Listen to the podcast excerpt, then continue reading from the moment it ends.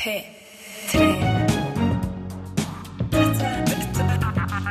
Lørdagsrådet med Siri Kristiansen. P3. Og du har eh, allerede hørt eh, altså den eh, Sweet Baby Girl-låta som heter kallenavn med Admiral P.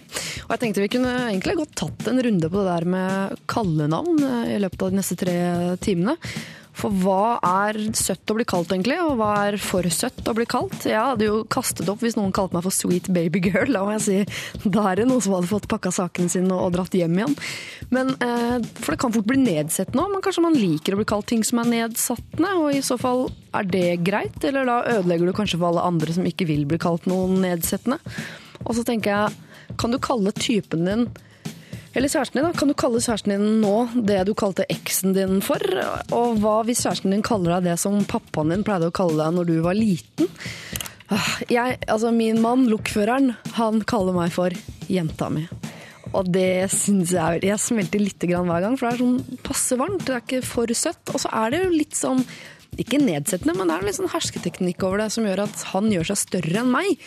Og det liker jeg, for da føler jeg meg mindre enn jeg jo eh, fysisk og psykisk sett egentlig er. Men jeg føler meg ikke sånn dum liten. Jeg føler meg sånn liten og trygg og søt, som en sånn kattunge som har all den melken den trenger, og et garnnøste på størrelse med Himalaya. Det er veldig deilig. Men så er det jo det at pappaen min, fattern, han pleide å kalle meg for jenta mi da jeg var liten. Og kanskje det er derfor òg at jeg liker det så godt. Jeg vet ikke. Uansett, all den tid hvor lokføreren ikke kan si kona mi, hvis du hører på, så syns jeg det er veldig hyggelig at han sier jenta mi. Vi tar en runde på det seinere, hva som funker for deg, hva som ikke funker. Altså. Da, eh, send oss gjerne en SMS, eh, kodeord P3 1987, eller en mail lralfakrøll.nrk.no. En som allerede har gjort det, er en godt voksen dame. Hun har tatt kontakt med Lørdagsrådet. Hun er gift for andre gang og sitter nå godt i det. Med hans barn, sine barn og alle problemene rundt. Kanskje en situasjon litt langt fram i tid for din eh, del, men problemet er uansett relevant, for det dreier seg om en kjærlighet som har tatt slutt. Vi skal bli kjent med hun dama her litt uh, seinere i uh, sendinga. Hun er i overkant omsorgsfull og prøver å ta hensyn til alle andre rundt seg.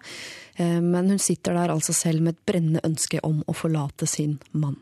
I den grad vi kan, så skal vi prøve eh, å hjelpe henne, få henne på bedre tanker, eller i det minste få henne til å pakke kofferten mentalt. Og kanskje få henne til å begynne å tenke litt på seg selv. Du hører på Lørdagsrådet med Siri Kristiansen. Så trist fra Goo Dolls. Det der var eh, Iris. En låt som jo er henta fra en eh, film som jeg mot alle odds liker. Fordi det er en veldig suppete og romantisk film, noe jeg i utgangspunktet ikke er så glad i. Og så er det med Nicolas Cage i hovedrollen, som jeg overhodet ikke er spesielt glad i, og Meg Ryan, som jeg ikke er noen sånn kjempefan av.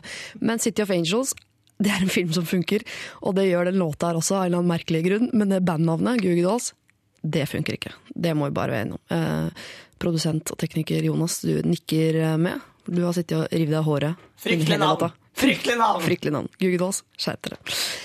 Noen ganger her i uh, Lørdagsrådet så er det veldig koselig å høre at folk sitter og hører på oss på andre siden av kloden. Altså, jeg har fått mail fra Jon Arne. Hei, Jon Arne. Jeg fikk eh, mail nå nettopp. Han sitter i Sydney. Der er klokka 16.49, og det er eh, lørdag 8.9.2012. Alle spør om det, visstnok, ifølge Jon Arne. Han sitter og hører på oss nå midt på dagen. Jeg er forelska i en jente som er PS. Jævla fin! Han har bedt oss om noe råd, og vi skal se om vi kan hjelpe han med det litt uh, seinere. Eh, Men det er sånn når vi først snakker om tid og tidsforskjell, og, og om ting er for seint eller ikke, så hender det jo at vi i eh, Lørdagsrådet gir gode råd, men akk! Kanskje et døgn for sent, eller en uke for sent, eller kanskje bare noen eh, minutter. Forrige lørdag så prøvde vi å hjelpe en eh, gutt som drev og lå med en jente som han ikke turte å sove sammen med, for han eh, tenkte at hun var litt gæren, rett og slett. Vi ga henne noen råd forrige lørdag. Det var Henriette Brusgaard her. Det var også Kari Slottsveen og Lars Berrum, og du kan høre hva de kom fram til da.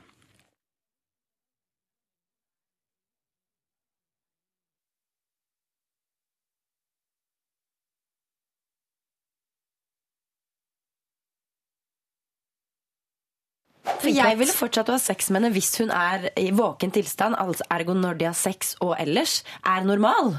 Hvis dette bare er om natten, så tenker jeg at det ikke er noe problem Ja, i jeg, hele tatt. jeg tror nok det er frykten for natten. Uh, frykten for at han da er bevisstløs i form av søvn. eh, Når Mm. han ser hvordan hun er i våken tilstand, og hvordan sexen er. Og nå ser jeg for meg ting som skjer da. Hele greia her er vel at du helst ikke skal eh, være for mye sammen med en du ikke tør å sove sammen med. Jeg må også Dette si var at, rådene som eh, Lars, som han heter, fikk for nok altså, Det er lørdag lov for å en uke, litt en uke siden. Og vi har fått en mail å etterkant som henne. takker for gode råd. Kan dere sette dere Det eneste som var synd, var at jeg podkastet den denne sendingen på søndagen. Som dessverre Er da kommer etter lørdagen, som alle vet. Så jeg gikk på en smell forrige helg også. Men nå er det nok. Jeg bestemte meg for å kutte tråden med denne lettere forstyrrede jenta. Eh, og han ber deg om ytterligere tips for fremgangsmåte, for hvordan han skal kutte tråden. Det, eh, jeg føler du fikk den plassen du har fortjent forrige lørdag. Du får finne ut av det sjæl. Som en siste innskytelse eh, så vil jeg be Henriette Pærebrus, altså Brusgård, som var her forrige lørdag, om å sende meg en mail som trenger en date. Det kan jeg selvfølgelig gjøre. Takk for et supert show. Hilsen Lars. Vær så god, Lars. Du må også gjerne laste ned podkast. Altså, jeg var inne på iTunes i går, og det har jeg aldri sett før, Jonas, men man kan skrive sånne kommentarer sånn, til podkasten. Ja. Har du sett det? Ja. Jeg, sorry at jeg er så ignorant og lever på 1800-tallet, men eh, jeg visste ikke at det var mulig. Det står så mye hyggelig. Ja, det står rørt. Men også folk klager over at jeg legger den ut for seint. Og det gjør jeg ikke. Ja. Jeg gjør det én time etter sending. Ja, det er for seint. Jeg kan ikke gjøre det fortere. Ja, du er nødt til å gjøre det fortere, Jonas. Du er nødt til å få en ekstra hånd eller et eller annet. Men det blir ikke min. Uh, og vi ligger nesten an til pallplass òg, på, uh, på topp ti-lista i, i, i iTunes. Det syns jeg er veldig hyggelig. Altså. Gå inn der og last ned, eller på nrk.no podkast. Nå skal vi straks møte dagens rådgivere, som er ingen ringere enn eh, Anders Hatlo, mannen med stemmen du kjenner så altfor godt. Kristine Riis, kvinnen med stemmen og etter hvert også gummifjeset du kjenner akkurat passe godt. Og Jonas Kinge Bergland, som jo får priser i huet og ræva, og reiser landet rundt med en flokk med folk som er ganske ræva, og i det hele tatt. Vi møter du rett ved andre siden av Justin Bieber. Du hører på Lørdagsrådet med Siri. Justin Bieber, altfor ung for meg. As long as you love me. Skrevet av en norsk mann, syns jeg å huske å ha sett foran på en uh, middels stor avis i Norges land for ikke så lenge siden. Nok om det, vi skal ta imot dagens uh, lørdagsrådgivere. Uh, først mannen som gir Norge en felles uh, røst. Anders Hatlo, god morgen. God morgen. Kjenner dere igjen stemmen? Kan du si litt mer? Etter hvert. Kan du ikke bare si et eller annet uh, la, Eh. Laks i urtesaus, eller Hva er det for noe? Er det godt? Det aner ikke. Nei, ikke jeg heller. Nei da. Det, det kan vel hende noen kjenner meg igjen. Ja. Ja. Helt, helt 100% sikkert. Og så er det mannen som uh, har flere sider enn en Knausgård-roman. Uh, Jonas Kinge Bergland, god morgen. God morgen. Ja, du også har, du er nesten eh, lik stemme som Anders Hatlov i dag. Har jeg det? Men uh, du kan ikke skylde på noe annet enn At jeg la meg litt seint i går. la deg litt sent i går. Han sitter ved siden av meg med lyse Converse-sko med litt blod på tuppen. Ja, det Ja, stemmer. Nok om de. Og eh, eh, dama med det vakre gummifjeset, eh, Kristine Riis. Ok, hei. Hei. Velkommen hjem. Eh, tusen takk. Ja. Ja, er det deilig å være på besøk i Lørdagsrådet igjen? ja, det er veldig koselig. Eh, ja, det er alltid hyggelig å være her. Det er veldig rart. Jeg syns kaffen har blitt bedre. Er det, den er utrolig sterk. Ja. Jeg prøver å lage espresso med, med vanlig kaffepulver. Du får det til. Jeg får det nesten til. Jeg snakket så vidt i dag eh, altså, for en ti minutters tid siden om at jeg blir kalt for jenta mi av kjæresten min. Han syns det er veldig hyggelig. Eh, selv om det er litt sånn nedsettende, men det syns jeg er koselig. Og da Hva lovte jeg å ta en runde på det. Hva liker dere å bli kalt av Jeg liker ikke det. Du liker ikke å bli kalt jenta mi? Nei? Det må jeg si. Anders. Med en gang. Men hva, blir du kalt uh, elskede eller ja. hingsten min, eller har du Hengsten sånne min har jeg vel ikke hørt, men eh, Det er bare vakre ting. vakre ting? Vakre ting. Ja, vakre ting. Ellers jeg godtar ikke noe annet. Du godtar ikke noe Nei, annet. da går jeg bare. Men hva sier, Er du så flink til å si det til eh, folk Å, du er glad i? da? Ja. Bruker du jenta mi, for eksempel? Nei, Ikke, aldri? aldri. Elsker det? Ja da. Jo da, jeg- jenta mi har jeg sagt mange ganger. Ja. Ja. Men da til folk du er eh, forelsket i, eller til barn? Det er ikke folk jeg er forelsket i, jeg er jo bare forelsket i én. Det vet jo ikke, det Nei, dette vite. vet jo ikke du. Nei, Nei ikke det det kan jo ikke du vite. Men jeg vet at hun eh, hører på nå, så nå ser jeg jo det, i hvert fall. Sånn at hun tror det. Og det er jo bare henne jeg Og sier der det til. skrudde hun av. Ja, der- Nå og sitter der han og skrudde ljuger hun igjen. av, ja. Oi, oi, oi. Nå sitter han og Tullingen og ljuger igjen. Ja, Kristine, hva blir du kalt da? Eh, hva blir jeg kalt? jenta di. Jenta di. Det varierer vel litt alt ettersom hvordan jeg Din oppfører meg. Ja, din jente, ja. Du jente, kom her. Gå og ta et søppel av din jente. Du jente, Ja, kom her. ja det Nei, eh, nå er jeg sammen med en svenske, da. Ja, da blir det jo litt andre ord. Flikka. Eh, Tjejen, faktisk. Tjej, ja. Det er veldig ofte når man snakker på telefon for eksempel, med andre folk. Eh, hvis det er sånn jeg og dama kommer innom, f.eks., da er det sånn eh, ja og tjejen. Ja, tjejen og jeg. Eh, og da, det syns jeg høres veldig hyggelig ut. Heter det ikke kjejet? Nei. Tjejen. Det er kanskje nedsettende. Ja, Et skje flere feil form, på en eller annen måte. Ja. Jonas? Eh, jeg blir bare kalt Jonas, da, av de fleste. Men eh, Hva vil du bli kalt da, når, eh, når du en eller annen dag gifter deg med Jennifer Lopez, eller hvem det nå måtte bli? eh, pff, Jonas, Dahl, da, kanskje? Jeg vet ikke. Jeg, har ikke noen sånn gode referanser på det. jeg husker det var en eller annen eh, en, en eks av meg som, som kalte meg for Jonasen min på tekstmelding. Det syns jeg var veldig rart. Var ikke det litt koselig? da? Jo, det var, i ettertid så ser jeg at det var koselig. Men jeg synes, akkurat der og da syns jeg det var veldig merkelig, altså.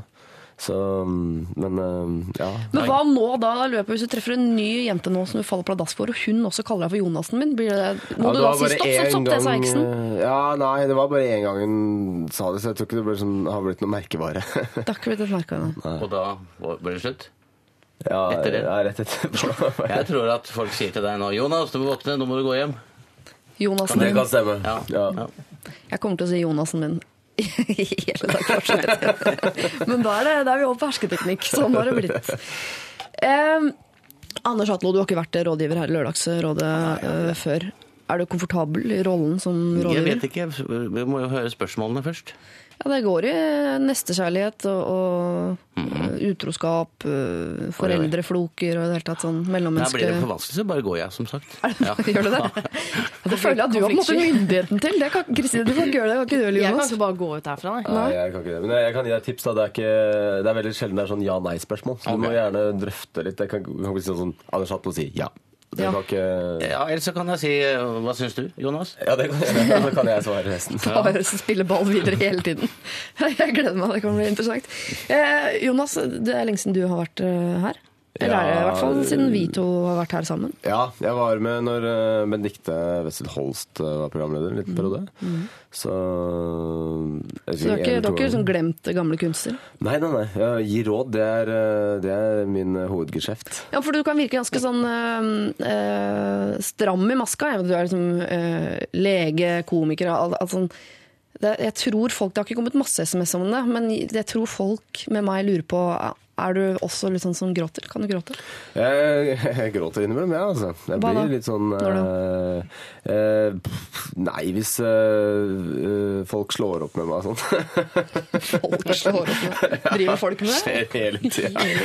Er du sånn, er du en dumpegutt blir dumpa? Jeg blir dumpa hele tida. Da griner jeg. du. driver med det, da? Nei, jeg blir dumpa, da. Det er det jeg driver med, stort sett. Det er en av mine mange sider. Og Gråter du da mens eh, de ser deg, eller etterpå alene? Etterpå alene, ja. Etterpå alene. Sitter på rommet mitt å gråte litt, da. Rugger du? Rister du? Nei, jeg, bare, jeg prøver, å, prøver å sitte helt stille. Sånn, veldig sånn stille gråting, så ingen skal merke det. Mannegråting? Mm. Jeg holdt på å si det fikk jeg lyst til å se, men det er jo ikke noe hyggelig i det hele tatt. Så jeg håper jeg egentlig jeg slipper å se det. da. Eh, Kristine Riis, Ja. åssen er det uten Når jeg snakker med deg, føler jeg snakker med en gammel søster kusine eller kusine eller noe. ja. Du eh, var jo med å starte dette programmet, men la oss eh, la det ligge. Hvordan er det ute i den store verden? Ja, hva, eh, hva mener du med den store verden? Altså Utenfor Utenfor disse ekstremt tygge, vegg, tykke veggene som NRK har Tykke, opparbeidet trygge seg. veggene. Det er, eh, det er spennende, Siri. Det er, det er så mye å smake på. Nei, jeg vet ikke hva jeg skal svare. Um, det er annerledes. Ja. Um, men ikke så annerledes, da. Jeg prøver egentlig bare å spørre om du har det bra, men jeg prøver å spørre på en sånn ny, Ja. ny måte som vi i Jeg har det veldig med. bra. Jeg har det veldig bra. Men for at jeg har veldig mye å fortelle. For ja. Det er så lenge siden jeg har vært der. Så jeg- jeg merker at jeg har lyst til å liksom Ja, jeg har, det, det skal snakkes mye i dag. Men da kan vi lene oss tilbake, og så lytter vi på deg. Vi sletter musikken, vi. Bare la det, la det strømme på. Det var det jeg tenkte. Kristine Riis, Anders Hatlo og Jonas Inge Bergland er dagens eh, rådgivere. Eh, det er noen som eh, lurer på Jonas, hvorfor du har blod på skoen. Kan du bare, Så ikke vi virker helt psycho. Ja, ja, det kan jeg fortelle. Jeg og en kompis var på en bursdagsfest i går. Ja. Ferdig. Nei, Så eh, tuppa du den i trynet? Nei, vi skulle sykle fra Skøyen til eh, Aker Brygge, og så tryna han noe så inni granskauen på sykkelen. Og litt inni skoen din òg? Nei, eh, så når jeg var borte for å hjelpe han, så begynte det å dryppe blod fra, fra trynet hans, faktisk. Så det her er ansiktsblod på Hvor var det, sa du? Fra Fra Skøyen til Aker Brygge. Er det noe granskau der, da? Eh, ja, det er litt rann, eh, for det er masse ambassadebygg. han. ambassadebygg. der er det, ja. ja. Eh, mye granskog. Men Går det bra med han, eller? Eh, nei, det går ikke så veldig bra. Jeg prøvde å få han til å dra på legevakta, men Ja. det var, vi ikke høre snakk om. Det var for seint? Så det, ja, det var for seint. Han tippa over, så vi dro på Aker Brygge. Vi Ikke andre, tull, da går det bra med han? Nei, jeg dro på Aker Brygge, og han dro på Aker Brygge, og det var kjempestemning. Og så dro han er blant oss i dag? Han er blant oss i dag, Ja. men han har kjempevondt i armen sin. Og antageligvis ansiktet. Ja. Mm. Ja. Så lenge det gikk bra. Ja, det gikk jo bra. Alle overlevde, liksom. Vi skal ta et eh, problem som jeg vil anse som mye mer alvorlig. og Det er en av våre litt eldre lyttere som trenger altså Vi snakker ikke AFP-alder, men altså hun er gammel nok til å være gift for andre gang. Og har eh, barn som er så store at de har blitt tenåringer. Jeg leser. Jeg har to ungdommer. Skilte meg fra deres far da de var små. Etter to år alene traff jeg han som i dag er min mann.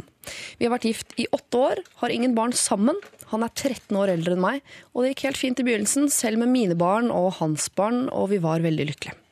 Problemet har altså dukket opp i de senere år. Hans sønn har ikke alltid vært eh, like grei mot min sønn. De er like gamle, og han klager hele tiden på sønnen min og sier at han kan ingenting, skjønner ingenting, og han gjør alt for å trykke han ned. Jeg blir jo selvfølgelig irritert og sier ifra med det resultat at han går og sladrer til sin far. Da begynner vi å krangle, og helvete er løs. Min mann snakker stygt til meg og kaller meg stygge ting. Han slår ikke. Samliv er det helt slutt på. Eh, Veldig stikkordsbasert mail, men eh, det er, veldig, det er mye informasjon. Min sønn er veldig glad i fotball. Han spiller aktivt og er veldig god. Min mann hater fotball og gjør alt han kan for å sabotere. Han nekter å kjøre med han til trening osv. Så, videre. så i fjor så begynte sønnen min på videregående for å gå på den linjen, eh, og for å gå på den linjen han ville, måtte han flytte på hybel. Før han i det hele tatt fikk svar på om han hadde kommet inn, sier min mann at han kommer aldri inn der, han er ikke flink nok osv. Min sønn kom inn han, og fikk gode karakterer nå til sommeren. Jeg har tenkt ganske lenge på at jeg må komme meg vekk, sånn at jeg får tatt meg av mine barn på best mulig måte. Jeg tenker da på å flytte dit min sønn går på skole. Problemet er at min datter liker seg så godt her vi bor nå, og har mange venninner her osv. Vi blir eh, vi blir alene uten nettverk hvis vi flytter, og vi har ingen familie eh, i nærheten. Så hva skal jeg gjøre? Skal jeg ta hensyn til min datter og holde ut i tre år til til hun er ferdig på videregående her? Eller skal jeg ta hensyn til meg selv og bare komme meg vekk før jeg blir helt ødelagt av nedsyking? Vær så snill, gi meg noen gode råd. Jeg har ingen å prate med om dette. Gunn. Jøss. Eh, eh, jeg tenker jo at uh, eh, det viktigste er å Altså, jeg tror han sønnen som nå er på den skolen og alt mulig sånt nå, han er jo tenåring, og han kommer til å klare seg selv om ikke mammaen flytter etter. Ja. De fleste tenåringer vil vel helst ikke Ja. at mor skal flytte altså, etter når du endelig har eh, hvis, han sier, hvis han sier til liksom sånn, eh, kompisen sin sånn derre Ja, nå går alt bra, for mamma flytta fra, fra typen og bor nå rett ved meg, så alt er tipp topp. Og det eh, Så jeg tror hun bør tenke på seg selv, rett og slett. Og, Ja. og tenke på det forholdet til han fyren som virker litt usympatisk, rett og slett. Han virker rett og slett usympatiske. Mm. Du er vel den eneste, Anders Hatlo, som på en måte eh, Jeg som er gift, som vet hva det vil si å bo Ja. med et menneske over så lang tid. Jeg syns det hørtes ut som voldsomt mange problemer på en gang. Ja. Det var gjennomført. ja. Ja, nei, altså jeg må jo si at hvis ikke det ligger noen følelser av kjærlighet i bånn her, så er det jo bare dødfødt. For da kommer, det er der st- problemet starter. ja. Så sprer det seg ut til alle, for da blir alt negativt ladet. Så hvis ikke de klarer å finne ut av det kjernepunktet der, så ville jeg bare sagt uh, finn, finn, finn på noe annet. Finn på noe annet. For det, er, eh, for det blir bare verre og verre og verre. Ja, for hvem tar hun hensyn til hvis hun blir boende Ingen. sammen med denne mannen? Ingen. Hun prøver vel kanskje å ta hensyn til han, da. Men uh, det virker jo ikke som han er så veldig kul. Nei, det kan jo være vanskelig å det, det kan jo føles veldig drastisk. Er ofte sånn Før man skal gjøre det slutt med noen, og sånn, så kan man tenke sånn Man ser bare hindringer. Det kommer aldri til å gå. Hvor skal jeg bo? Kommer jeg til å klare meg? Man ser veldig mørkt på det. Og så idet man har gjort det slutt og kommer slutt, bare ja, men herregud, så lett jeg Hvorfor gjorde jeg ikke det Hvorfor gjorde jeg ikke det litt før. Ja. Men det er eh, veldig få brudd som ikke jeg kan tenke sånn Dette ble gjort for to- tre-fire år siden. Ja. Syns jeg nesten alle sier. Du, en sånn liten sammenligning. Altså, vi har drevet og felt noen trær, for det har stått i veien for utsikt og sol. Ja. Nei, men det- altså, det er ingen av de trærne man savner. Men du er veldig glad i den sola som har kommet inn Ja. i livet ditt, ikke Ja, det er nettopp det. Ja, men det er kjempefin Hun kan få seg et nytt liv, hun kan dra på folkehøyskole. Det er ikke noe øvre aldersgrense på det. Så Nei, men Jeg var litt enig med det du sa først, Jonas. Det der med at du, Hun behøver ikke å flytte helt der hvor sønnen er på denne hybelen. Nei. Eh, men man kan jo bare flytte ut, eller altså skille seg fra han eh, som hun er sammen med. Mm. Og så bosette seg sånn at datteren kanskje kan gå ferdig skolen og sånn. Men da har hun eh, Da har hun i hvert fall litt mer energi til å ta vare på de som trenger henne og seg selv. da. For det virker som hun, tar, eh, hun er ikke så flink til å ta hensyn til, til seg selv, denne dama, får inntrykk av. Og så virker det så rart, for det, det fins da flere alternativer enn eh, hvis hun flytter ut fra denne mannen, noe jeg mener hun burde gjøre, så må hun ikke flytte dit hvor sønnen er. Hun kan vel flytte et eller annet sted i, hun har nettverket sitt fremdeles. ja, men Hun kan jo flytte i altså, huset ved siden av, for den saks skyld. Helst litt lenger bort, da, men hun kan jo flytte et sted hvor datteren fortsatt har sitt nettverk. Hun har sitt. Kan hende er veldig knytta til sønnen sin òg. Hvis han er eldste sønnen og sånn. Det kan jo være litt sånne ting òg. At man er kanskje At man som voksen også kan vel føle ganske mye trygghet i et av barna sine. Jo, men Absolutt. Hvor gammel var det den eldste sønnen, sa du? 19? Ja, han har i hvert fall begynt på Nei, jeg, jeg tipper han er sånn 17-aktig. Ja. Mm. Men eh, ja, det er ikke nødvendig å bo oppå hverandre for det. Han har flytta hjemmefra, da Ja, flytter du ikke det. etter. Da tror jeg ikke altså, altså, hvis du har lyst til å være en kul mor, Ja. så flytter du ikke etter barna dine når de har begynt å bo på hybel og ting er Nei. gøy. Nei, han endelig har begynt å leve sitt eget liv. Ja. Men jeg, skal bare lese en setning om igjen her. Min mann snakker stygt til meg, kaller meg stygge ting. Han slår ikke. Samlivet er det slutt på. Og så lurer hun på om hun skal bli boende. Ja, men det er jo eh, Altså, det her altså. er jo en ekstremt enkel eh, løsning. Samliv er det slutt på. Altså, Hva er sånn- vitsen med å bo med et menneske da, som eh, du ikke liker lenger? Nei, men du Han vet, sånn, liker I jo ikke henne hverdagen heller. så kan man jo være så sliten. ikke sant? Så er man dritsliten, så tenker man på sånn Herregud, skal legge ut huset for salg. Jeg må rydde. Jeg må flytte ut. Jeg må klare all økonomien min selv. Altså, det kan være masse sånne tanker også, som gjør at man bare Å, gud, jeg vet ikke om jeg orker ikke i dag, i hvert fall. Hvem skal ha sofaen? Hvem skal ha det At du må gjennom hele den greia der. Dette må du gjennom. Ja, og det går mye fortere enn man tror. Og så får hun jo, Hvis hun er sliten nå, så kommer hun til å få masse energi i andre. Altså Da få får blir bort de der grantrærne, så kommer jo, titter jo sola fram. Det er nettopp det. Og dra på folkehøyskole. Ikke hør på Jonas. Jeg syns- alle damer på 40-50 bør dra på folkehøyskole. Dra på folkehøyskole, du da, Jonas. Jeg har vært på folkehøyskole. Ja, men Det er derfor han sier disse damene skal dra dit. vet du. For, for Jonas skal dit òg. Ja. Ja, ja. Mm, Jonas er singel, Jonas Ok. Eh, eh, du Gunn, eh, det er ganske felles enighet her om at du må flytte ut. Og selv om Kristin sier at det virker sikkert som en veldig sånn tung ting å komme seg gjennom akkurat nå, men du bør gjøre det akkurat eh, nå. For da blir det som Anders Hatlo sier, at eh, du må få bort Heng meg litt opp i det bildet. Få bort de der grantrærne. Det er masse sol bilde. på andre sida. Eller så går man opp på folkeskole. Jeg slenger eh, Men jeg bare Jonas med på, Kan ikke du kalle meg bare Anders, for, eh, siden du bare sier Jonas til han? Jeg føler meg litt sånn Ja, for du kaller Anders for Anders Hatlo? Ja, ja jeg heter for så vidt det, da, men Jo, men det er, det er noen Det mennesker man gjør jeg det sier med. Kristine Riis også. Det er bare Jonas som sier det Jonas er til. Det er er dere- kjenner hverandre så godt. Det er så langt navn. at. Jeg har to eh, etternavn. Ja, jeg har to fornavn. Ja, har du det? Hva Anders? Christian heter jeg. Heter du Anders Christian? Skal vi si Anders Kristian? Christian? Nei, kan du ikke bare si Anders, da? Jeg skal bare si Siri Kristiansen. Det kan du også si, men det blir gærent, skjønner du. Jeg skal veksle litt på, jeg. Hatlo jeg sånn heter jeg også, da, Hatlo. ja. Christian Hatlo. Ja, det er sønnen min. Er det det? Har du kalt sønnen din det samme som deg selv? Nei. Det blir rart hvis vi kaller deg for herr Hatlo resten av sendingen. Nei, men Denne jeg samtalen fint, fortsetter uh, under uh, en låt av Florence and the Machine. Skal vi snakke masse mer om det. Enn så lenge så kan du høre på musikk, kose deg med det, og sende inn problemer til oss hvis du har det. Da er det P3 til 1987 eller LR NRK NO hvis du foretrekker mail. Lørdagsrådet på P3. Florence and the Machine, eh, Spectrum heter låta. altså remixet av Calvin Harris er her, eh, Jonas. Det er så mye informasjon. Eh, Det er to Jonaser her eh, i dag. Det er jo produsent og tekniker Jonas, og så har vi også Jonas Kinge Bergland, mm. som er rådgiver. Ja, Ja. Du legger ned stemmen. ja jeg, det er radiostemmen min. Jeg snakker egentlig sånn som det her. Er kjempebra. Det er veldig sexy. Eh, Anders, eh, Hat Anders Christian Hatlo, Ja. far til Christian, Ja. blant annet. Eh, og Kristine Riis. Du må bruke lyd her på radio. Nikking fungerer særdeles dårlig. Herregud, det er lenge siden jeg har vært der. Altså. Har ikke du hatt eget radioprogram og sånn? jo, men jeg sitter, jeg sitter Det er så Nå lenge siden jeg nikka har du vært igjen. der. Jeg nikker og bruker mye hendene og sånn for å vise. Mm. Herregud, jeg må skjerpe meg. ass. Ja, du må skjerpe deg. Vi skal ta et nytt uh, problem med årsskiften 'Fest og karriere eller familiemiddag'. Jeg leser. Hei, kjære Lørdagsråd. Jeg er en fyr på 22 som har en fantastisk fin kjæreste. og Vi har vært sammen i ett og et halvt år nå og har det supert. Hun har et show hun skal være med på, altså som artist, nå i kveld. Med påfølgende premierefest. Festen kommer til å bli ganske svær. Eh, Hun får bonda med folk i klassen og får kanskje noen nye kontakter. Jeg er veldig for at hun skal dra på denne festen og kose seg så mye hun kan. Men i morgen har min bestefar et stort familieselskap for hele familien. Vi er en stor familie, og vi møtes egentlig bare én gang i året, og det er da på andre juledag. Eh, Med stor familie så mener jeg at vi kommer til å være ca. 40 stykker. Så min bestemor med skrantende helse eh, vil nå samle familien også på sensommeren.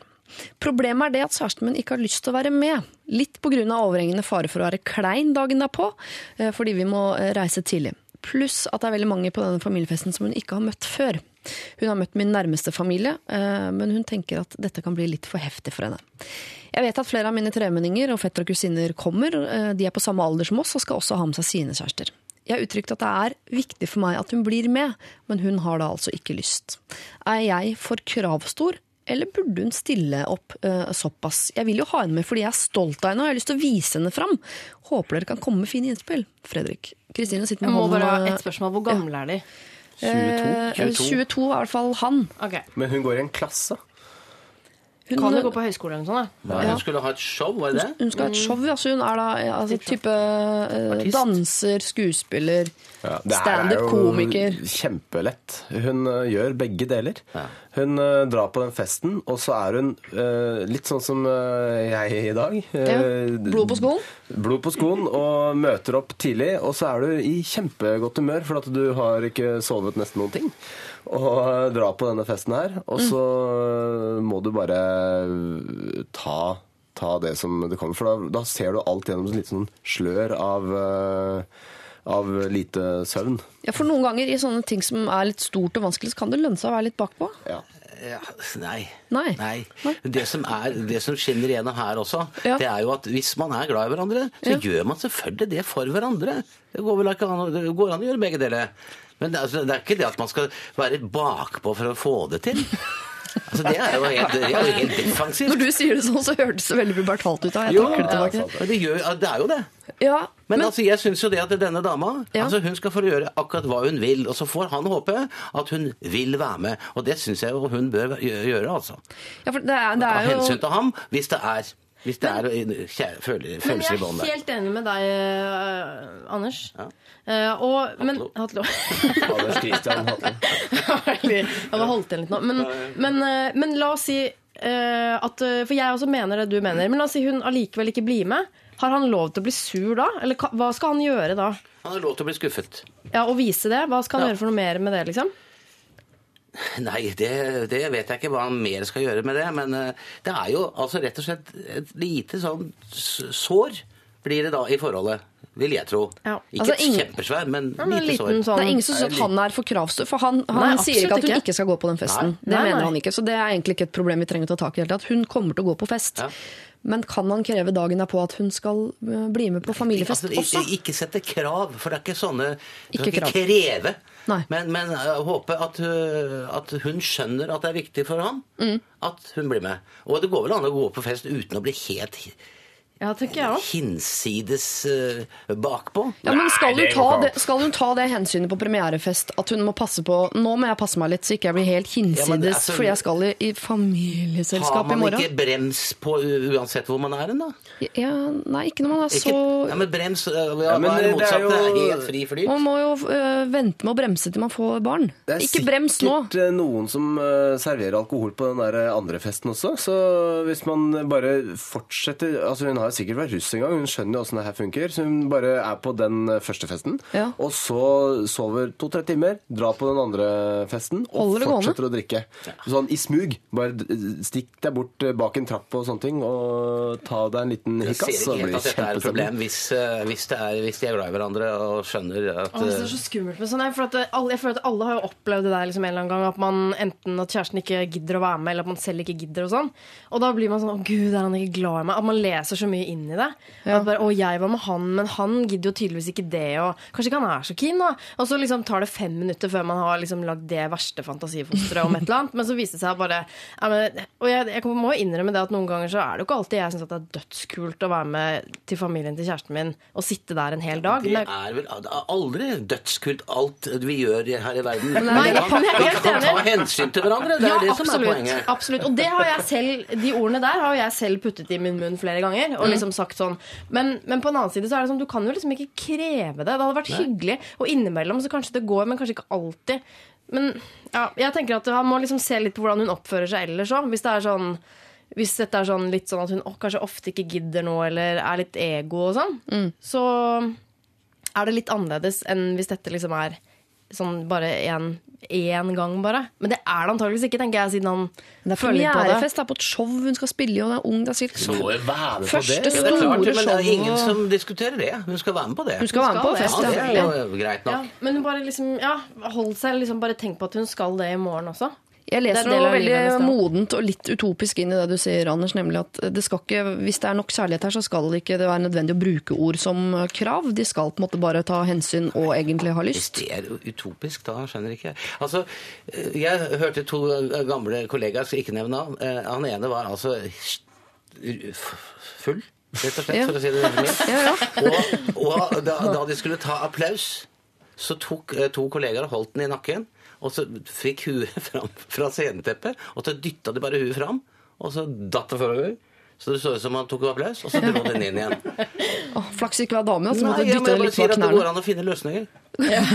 Så hvis hun er så eh, hinsides dagen etterpå, Ja. så får han finne noen staurer og så binde henne fast. Ja, og holde henne sånn som det er sånn, hånddukke. Og ja, gå litt sånn. Hei, hilser på deg! Og så mime stemmen hennes. Ja, Lat som vi pleier å tulle sånn. Det er vår type Mm. humor. Og det er, Vi har et veldig rart forhold. Ja, ja, Det er denne humorplattformen vi møttes på, og her blir vi. Altså, Egentlig er det hun som burde ha sendt inn dette problemet. Så hun kunne sagt sånn Burde jeg dra eller ikke? Så kunne hun sagt sånn Skjerp deg, få ræva di på familiefest og ha det gøy i kveld. Ja. Men det er jo han som ber om Og ha det gøy råd. på familiefest, for det går faktisk an, det òg. Men familiefester med 40 stykker, så finner du alltid noen det er kult å henge med. Og det er kaker der, og det Mm. er uh, kaffe. Ja. Det er et vanvittig eldorado for bakfulle folk. Hun må være med. Tenk, ned med kidsa ja, eller tenk på han å sitte der med alle kusinene og fetterne sine, og alle har med kjærestene. Så ja, hvor er dama di, da?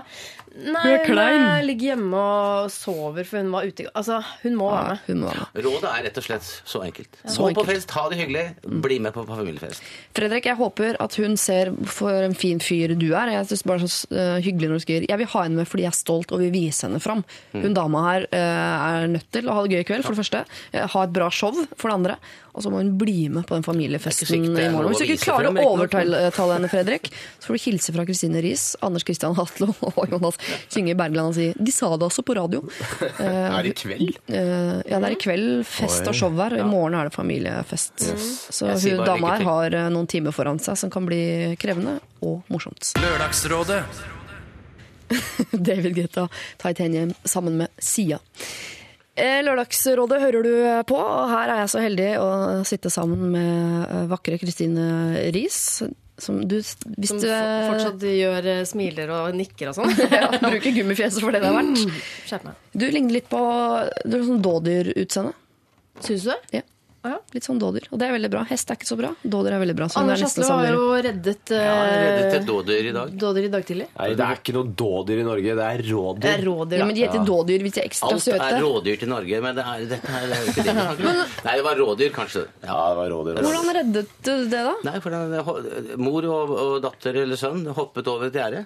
Ovenifra og over gjerdet. Rådyrmor også. Ikke din Ja, ja rådyrmor. ja, Ja, men jeg har ikke hørt historien før. Nei, jeg skjønner. Ja. Nei, og Du har ikke hørt historien før, da? Da skjønner jeg det godt. Nei, Og så skulle de tilbake. Så hoppet jo moren elegant over. Ja. Men ikke den lille. Og den gikk liksom på stupet bortover, og så er det en port. Ja. Så jeg gikk ut, og så åpnet den porten. Og da fløy de jo til hver sin kant. Så jeg håper de har møtt truffet hverandre igjen. Så potensielt reddet et rådyr. Potensielt. Ja, ja potensielt. Hvor- Det var godt å si det sånn. Men altså, jeg kan også si det at det var rett før eh, den falt ut. Og jeg holdt meg fast i en, en finger, og så bøyde jeg meg ned og tok den akkurat til den falt. Kunne jeg ha sagt, men det Ja. hadde vært løgn. Hvor bor du egentlig? Jeg bor egentlig Ja. Bor på Egentlig bor jeg på Nesøya. På Nesøya. Ja. Uh. Og det er et stup. Det er mye stup. Kan det være stup. Det er jo vann der. Ja, ikke sant. Så det er stupe folk. Det er vann der, så det er stup. Ut. Dette er privat. Ikke av den litt sånn pirrende interessante sorten. Og disse menneskene skal vi ta råd til. Ja. Vi skal ta et litt enklere eh, råd. Eh, Anders Atle Asa her og Jonas Ringe Bergland. Jeg skulle ønske jeg kunne si hvilke dyr dere ligner på, men jeg klarer det ikke sånn på stående fot. Du er kanskje litt sånn vaskebjørnaktig, Anders? så. Ja, vaskebjørn, ja. Vaskebjørnaktig. Ok. En koala. Jeg ser veldig tydelig for meg der Er det litt klamrer jeg sånn fast i en tømmerstokk. kosebamse, det? Ja. Oh. Og så er de nesten utryddet. Altså nesten utryddet, ja. Sjelden, altså. Jonas aner ikke hvilket dyr du ligner på. Har du fått høre det før? Gaselle. Jeg ligner på en eh, dingo, hvis vi holder oss til Nei, jeg har ikke peiling. Det er ingen som har Gaselle sagt var faktisk det- ikke så dumt. Ja. Gaselle? ja, men det det er er litt elegant. Du har, Ja. du har pen i genseren din og Ja, jeg har den fine genseren, ja. Pen i genseren. Ok. Lei av diffuse klokkeslett er overskriften på neste problem vi skal ta her i Lørdagsrådet. Jeg lurer på hva vi mener om dette. Vi møtes rundt klokka 23. Ringer deg rundt klokka 23 osv. Går det i det hele tatt an å si rundt klokka 23, eller andre tidspunkt for den saks skyld? Eh, Hva er i så fall definasjonen på dette rundt klokka? Er det da alt mellom 22.20 og 23.15? Eh, Det dette er forvirrende, det er komplisert, det er mye. Hva mener dere? Altså rundt Altså, jeg jobber på teater, og vi Ja. begynner ikke rundt klokka halv åtte. Vi Nei. kan ikke det. Vi begynner klokken halv åtte. Da er det Da halv åtte. begynner forestillingen. Ja, men Og, og jeg syns jo det er en fornærmelse mot folk å la dem sitte og vente. Jo, men Så du er kommer vel litt før, si- du kommer jo rundt sju sikkert, da. Jo, men jeg kommer aldri liksom bakpå sju. Jeg kommer foran sju. Ja. Altså, for det er jeg som kan sitte og vente. Det er fall, det er i hvert fall teorien. Altså, og kommer jeg for seint, og nå har alle mobiltelefoner, så kan du si fra at jeg er litt seint ute. Ja. Det går an. Men rundt klokka, det, det holder ikke. Men det er en paraply det, at du skal alltid komme på den siden av rundt som gjør at det er du som i så fall må vente selv, og ikke andre som må vente på deg. Ja. Det er en fin leveregel. Men Går det an å finne noen definasjon på dette med rundt? Jeg, jeg, jeg, eh, har en morfar som eh, er ekstremt spesifikk på sånne tidspunkter som man skal møtes på. Sånn. Han er kanskje ikke så opptatt av det nå lenger, men før så var han sånn eh, Men han, han opererte ikke med sånn hvor klokka sto rett opp eller til siden. Han var sånn Da møtes vi ved bilen sju over tre. Å ja. Ja, ja. Og da, var det sånn, da sto han der bare sånn Du er forsinka. Så øh, sju over tre, det var et eh, helt relevant klokkeslett. Da. Men kunne du ha kommet seks over tre. For eksempel, og venta ett minutt, og så var jeg eh, kuleste karen i klubben. Men, Ja, for Han var eh, ikke sånn rigid at han ble irritert hvis du kom før tida heller. For det er noen som er så punkte at de er sånn Jeg sa ikke seks over tre eller åtte over tre, jeg sa sju over. nei, jeg, jeg tror ikke han ble skikkelig forbanna hvis du møtte opp litt tidligere. Men eh, det, var, det, var, det var en tanke bak det, uten at han uh, forklarte det. da. Men jeg, altså, tilbake til problemet da, med, med eh, rundt Problem og problem. Pro- Ja, ikke sant? Hva, hvor vanskelig er det her? Det er kan vi lage å- en definisjon? For det er jo en fin altså, kjøreregel i samfunnet. Å komme for tidlig er i hvert fall ikke aktuelt i denne sammenheng. Det, for det betyr noe helt annet. Men eh, jeg syns du skal, jeg synes du skal eh, Altså hvis du skal ha det akademiske kvarter, det er lov liksom å komme i et selskap inntil et kvarter for sent. Vi snakker om å, å ankomme nå, ikke Ja, det ja. samme som du snakka om i stad. Komme i et selskap nei, nei, nei. Nei, nei, komme i et selskap Det er helt annet. Uh, uh, så jeg syns liksom et kvarter hver vei, det er da rundt. Ja, for det jeg trodd at var definisjonen. Når jeg sier rundt ni, så ville jeg sagt til dere dere må komme rundt ni. Ja. Da har jeg tenkt alt fra kvart på ni til kvart over ni er greit. 20 over ni, for eksempel, Jeg mener, er ikke jeg, greit. sånn, jeg mener at man kan ikke si vi møtes rundt klokka to i byen. Altså, det kan man ikke gjøre. Men du kan si hvis noen spør deg sånn ja, Skal vi møtes eh, eh, onsdag neste uke? Når da cirka? Da kan man si sånn Du, jeg slutter på jobb sånn rundt fire. Ja. Det mener jeg man kan si. Og da, i mitt hode, eh, det er mulig dette er helt feil, da tenker jeg at det er alt fra fire til fem. Jeg. Maks fem, liksom. Og du begynner fra fire. Rundt fire begynner fra fire og oppover. Og da er jeg, da er sånn jeg, rundt fire, da er jeg heldig altså. eh, Da er jeg heldig hvis det er før fire. Da er jeg flaks, liksom, hvis jeg møter personen før. Hvis ikke så er det maks til klokka fem. Jeg lurer på om eh, samfunnet blir mer og mer spesifikt på tid. For at jeg så en dokumentar om de gutta som, eh, som sprengte tungtvannsanlegget på Rjukan. Og de skulle møtes etter at de var ferdige med De bare spredde seg etter at de, de sprengte der. Og skulle møtes på Majorstua på torsdag. Ikke rundt torsdag. Nei, nei. Torsdag. Det var bare sånn OK, men når på torsdag? Nei, men torsdag. Men de snakket snakker ikke om hvilken torsdag. Hvor enn da, liksom. Ja, ikke sant? Nei, Nei, det var bare det var sånn, ok, vi møttes på Majorstua på torsdag, alle syntes det var greit, og så nei, dro alle busser går jo. prikk. De går aldri for tidlig. Gjør de det? Gå altfor Nei, sent. de går eh, eventuelt Ja. for seint, men de går aldri for tidlig. Men i Amerika for eksempel, Heldigvis. virker det som nok en annet forhold til Amerika enn på film, og der er de alltid veldig enige om ses i kveld, og da er alle helt enige om når det er. Ja, men da du, tenker du ut ifra film, for der legger Ja. du alltid på telefonen uten å si ha det. Og, Ja. så See you tonight. Ja, Tonight, når er det? Nei. Er det Jo, rundt klokka? da har de jo Det rundt klokka innspillingsleder og hele teamet. Ikke sant? og- Der kan Anders forklare litt mer, ikke sant? for da er det et helt apparat rundt. Helt, Ikke helt apparat rundt, og En det har ikke du, vet du. Ok, dårlig, dårlig digresjon fra Han eh, regissøren han, veit jo når de skal møtes. Han bare sier 'nå går du inn der', for dere skal Ja, men møtes. Hvis personen er så keen på å ha det spesifikt, da, så Ja. må man be om en presisjon. da Med det man snakker med. Ok, Du får ikke noe presisjon av oss i Lørdagsrådet, eh, men neste gang noen sier rundt et eller annet, så får du be om det av eh, den respektive partner, er fristet å si. Ja, møt eller venn, eller ja, hva du møt- måtte møt litt tidlig opp, Ja, eller bare kom for tidlig, Ja. rett og slett.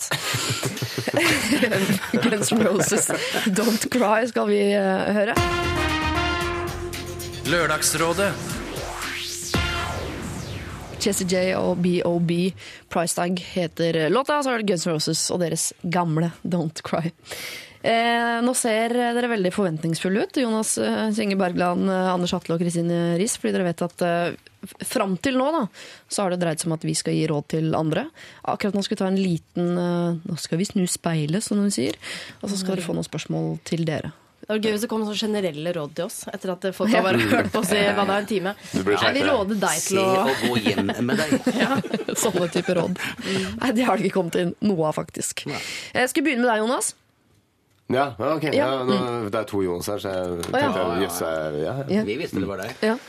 Eh, eh, jeg står mellom to her, skjønner du. Det er, derfor jeg, det er ikke fordi jeg ikke kan lese. Men jeg, eh, skal jeg ta den svulstige eller den litt sånn artige? Du, eh, jeg eh, du, jeg stoler på deg, Bare Bare ta et eller annet. Ja, da kjører vi Knut sin litt artige. Han lurer nemlig på hva gjør leger når de blir syke? Vi, enten så bare diagnostiserer vi oss selv. Ja, gjør dere det? Hjemme. Ja, ja. Kan man det? Kan du gi deg selv resept?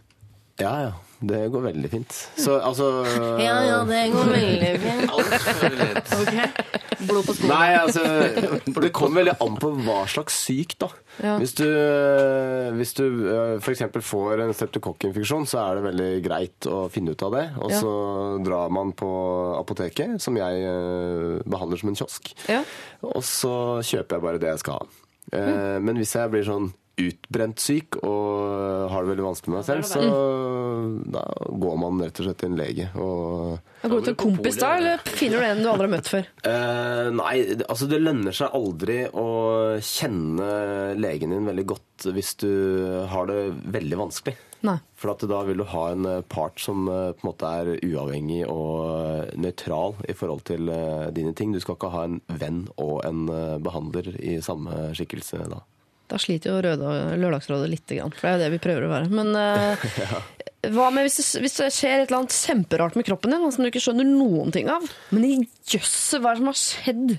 Ja, men da, da har jeg jo eh, en fordel av at jeg vet eh, hva slags bransje jeg skal eh, gå inn i av spesialiteter. Sånn at jeg, jeg kan gå via Jeg slipper å gå via en henviser. Så jeg kan Ja. liksom si at eh, ok, da må jeg bare gå til en eh, nå, nå kom urolog veldig kjapt Ja, opp jeg også men, tenker eh, ja. urolog. Ja. Uh, men uh, en altså, Kunne du da gått til en kompis og sagt sånn Det har fått utposning på penis, kan du hjelpe meg? Ja, ikke sant? Det ble penis med en gang. Ja, ja. Det var du som sa urolog. Ja. Men ja, det, det kan jeg jo absolutt gjøre. Hvis jeg kjenner en urolog som er spesialist på utposning på penis. Ja. Fascinerende.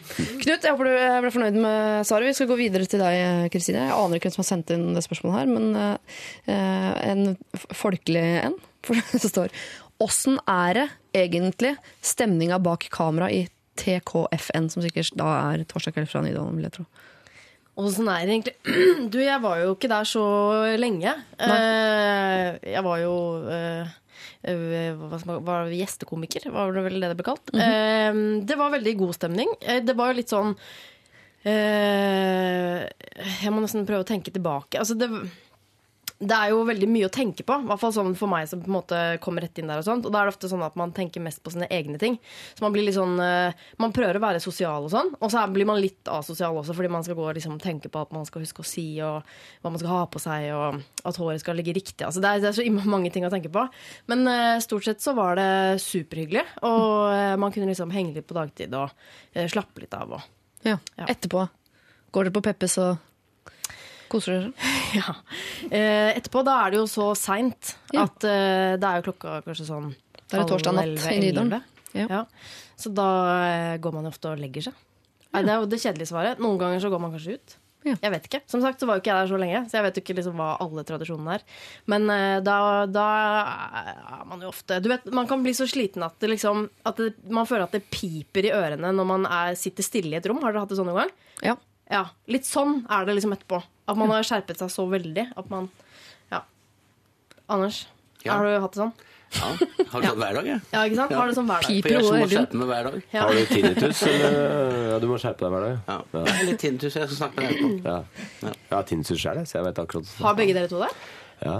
Nei, jeg, jeg vet ikke om du- Nå driver du med noen selvdiagnose og greier, ja. Det suser. Ja, det ikke suser, det- sant? Jo, det er en form for tinnitus. Det. Er det? Er det blodtrykket, da? Eller kan man gjøre noe med det? Eh, Det er veldig lite å gjøre med det, faktisk. Så Ja. tough break. Men Men hør her. er må tappe hjernen. Eh, Anders, Ja. du har fått spørsmål fra en elektriker, fra Høvik faktisk, som spør. Ja. Kan du aldri være med i Firestjerners middag, du da? I så fall er du snart den eneste. Det er rett før de ringer meg.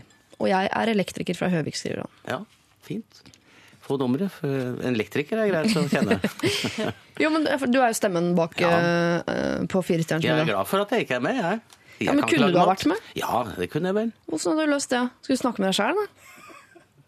Ja, det skjer jo at jeg gjør. Nei, altså, så lenge jeg er stemmen bak, så er jeg veldig fornøyd med det.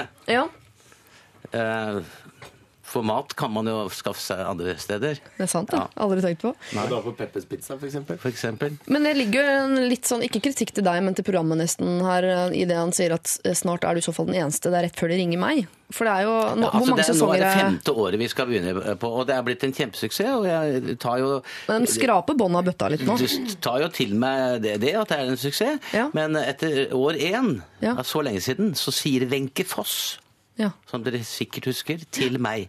Det er så artig det programmet du snakker på der, men nå er det vel snart ikke flere kjendiser. Det var etter år én. Ja, da Så det er noe med- og jeg, jeg må innrømme det at det er, det, det er langt mellom eh, de kjendisene som jeg kjenner igjen. ja. For uh, Men da må jeg nesten spørre Kristine og Siri. Har dere Ja. blitt spurt? Ja. ja. Ja. Har dere vært med? Jeg skal, Ingen av dere har vært med. Skal du være med? Jeg skal nå om to uker. Det, det, det Du ulykksalige med radiokjendiser, vet du, det er at de blir doldiser, som det heter. Hva er det? Det er en kjendis som ingen kjenner. Dog. Det er deilig. Er det det som er doldiser, da? Ja. For jeg har hørt det i en låt uh, av Jokke. Ja. Ja. And the Valentines. Jokken Men du skal være med om to uker, Siri? Ja, Det var ikke en del av Skal du lage mat, da? eh, Jo, men da skal vi snakke sammen. Ja, skal det vi er bare det? at jeg eh, har Jeg kan gjøre hva jeg vil. Du kan jo å få for de sarkastiske kommentarene fra Anders. Fløtt feite ræva fra Nei, komfyr ser ikke det? kalkun Sånn gjennom eh, skjermen. Men Sånn det var en som prøvde seg på meg. Altså prøvde å liksom være ja. kvikk, så sa jeg nå er du dum. For jeg hører, jeg kan, jeg kan spille om og om igjen den replikken, og så kan jeg finslipe svaret. Ja, for er det, Skriver du sjøl? Nei, jeg skriver ikke selv, men eh, en del er improvisert. Det er altså to steder hvor jeg eh, er litt friere, og det er i innkjøpsrunden Ja. i butikken. Å, og kjøper gulrøtter, ikke selleri. Det er, altså, Å, så- lite digg. Du er, det er sånn som egentlig de aller fleste av oss gjør når vi sitter og ser på TV. Man sier sånn, Åh, ja, for det var smart å si. Jaså, så der kommer du. Ja. Eh, det Du live-twitterer. idioten. Du sitter, sånn sitter du, liksom. Ja, jeg sitter sånn, og jeg, og jeg syns det er veldig morsomt. Og så er det jo klart at uh, jeg har jo taket på, på, på dem som kommer Ja. inn, da. Men det hadde Ja. vært fantastisk hvis du var med i programmet og live-kommenterte alt som Selv. foregikk som deg selv hele tiden. Ja, så du bare ja. sånn der, ja, hva er jo det her for noe? Ja, ja. Og så snakka du til deg selv og til de andre hele tida, og, og så plutselig var du deg selv i situasjonen, og så var du sånn. deg selv utenfor situasjonen. Ja, det, er? Kjempemorsomt. det er veldig morsomt. Og det er, blir Den som lensmann oppe i Nord-Norge, det. Han er, som er aleine. Så slo seg selv ned på fest og sånn. Og så arresterte seg Ja, jeg, selv. har, jeg ser du har ødelagt inngangsdøren. Ja, vi hadde raid her. Nå har jeg ramla. Jeg skjønte Ja. ikke noe Jeg skjønte det hva du du skjønte det, Jonas. Ja, ja. Ja, flott. Ja. Men da kan jo Eh, dere Var det et svar? Nei? Det var et kjempelangt og fint eh, svar, og mye annet også. Ja. Eh, Vi vi, ikke hva vi begynte å snakke om. Jo da, det var at elektrikeren vil gjerne inn og være med på Firestjerners Ja, det var det. det, var Og det. det skal han, hvis det er meg du spør, gjerne få være med på, men det er ikke jeg som avgjør dette. vi skal eh, hvert øyeblikk ta for oss eh, problem som har fått overskriften 'Venner, bror, kamerater og sex'. eh, som dere skal få lov til å svare på. Anders Hatlo, og Kristin Riis og Jonas Inge Bergland. Men eh, først litt eh, musikk. Du hører på Lørdagsrådet med Siri Kristiansen. We Come Running eh, synger de barnekoret som Youngblood Hawk har eh, fått med seg på sin låt. Eh, Helsa skranter, doktor Jonas Skingebergland? Nei da, jeg bare litt var- Jeg, sånn, jeg harka litt, da. Ja, Gammel moro som kom opp der. Gammal moro. Står en søppelbøtte ved siden av deg. Kristine Kristine Riis og, og Anders og Jonas, eh, dere skal få lov til å bryne dere på et problem som inneholder både vennskap, eh, søsken, kjærlighet og sex.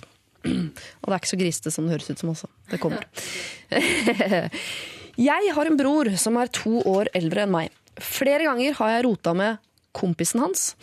Som regel bare klining, men av og til eh, sex. Dette er bare uskyldige ting som skjer på fest, og som ikke betyr noen ting. Eh, broren min har ikke sagt noe om dette, men det er mulig fordi det er ubehagelig å snakke om. Altså Hun vet ikke om broren veit om at hun driver og roter med kompisen hans. ikke sant? Det er en hund, ja. Dame. Men nå har bestevenninnen min eh, rota med han, altså broren. Sex en gang går helt fint, men tredje gangen de lå sammen, så var hun hos han hele dagen. Så problemet mitt er at jeg er redd for å miste venninnen min hvis hun blir sammen med broren min. Kan jeg gjøre noe for å stanse dette? Eh, og til slutt, eh, hva skal både, eh, skal både han og jeg tolerere dette med at vi roter med hverandres venner? Håper på svar jente 20. Jeg skal rydde opp litt her. Jente 20 år liker ikke at bestevenninna er i ferd med å inngå et forhold til broren. Men så driver jo hun og ligger med kameraten til broren, så er det ikke noe bedre sjæl. Ligger med? Det var ikke bare klininga? Nei, men av og til sex. Rote. Rote er det samme. Ja. Og, okay. Men hun sier jo at det at de holdt på, det betyr jo ikke noe. Men nå virker det som det begynner å bli alvorlig mellom venninna og broren. Kan hun stanse det? Nei. Hun har ikke noe med det. Overhodet. Nei. Ikke Liker så godt de der klare Ja, det er jo veldig liksom rett på med en gang. Ja. Men du eh, sier han det, så sa det jo innledningsvis på Lørdagsrådet at han var fysen på sånn ja- og nei-problematikk. Ja, men jeg er god på det. Ja. Ja, veldig bra. Men jeg, jeg er selvfølgelig enig med Anders Kristian Hatlo her. eh, At eh, det har jo ikke hun noe med. Men det går helt bra òg. Altså, det er ikke sånn at hun må slå opp med venninna si fordi at hun ble sammen med broren. Det er ikke, Nei, du, kan ikke, det er, du kan ikke bare gjøre én ting. Det, er- det går helt fint, det. Hva er det, som, det er ikke så farlig, er det det? Hun er redd for å miste venninnen sin. Du vet jo, venninner forsvinner jo litt. Jo, men det gjør eh, du uansett om hun blir sammen. Da får du i hvert fall sett henne kanskje mer hvis hun blir sammen med broren din. da. Altså, dere ser på det det som utelukkende positivt. Ikke utelukkende positivt, men det er ikke noe problem. Nei, det er altså, ikke noe problem. det, hverdagen går helt fint videre. Jeg har en eh, Jente 20 år syns dette er problematisk. søster jeg som uh, ble sammen med en kompis av meg. Ja. Og det var ikke noe stress, det. det var, hun var fortsatt søsteren min, og han var fortsatt en kompis av meg. Så Og det gikk helt fint. Ja. Syns du ikke det var litt kleint i begynnelsen? Syns du ikke bare at det blir nesten som å tenke på at Det er problematisk å tenke på at foreldrene dine har ligget sammen, og så må du Nei, begynne du- å Altså, det blir så Å, visuelt. Det må du sortere ut. altså Når du er 20 år, så skal ikke det være kleint. Jeg vet at da, da eldste, nest eldste sønn vår eh, var seks år, Ja. og min kone var gravid, ja. Så sa Og dere har gjort det, og så fikk ikke jeg se på. Da var han seks år.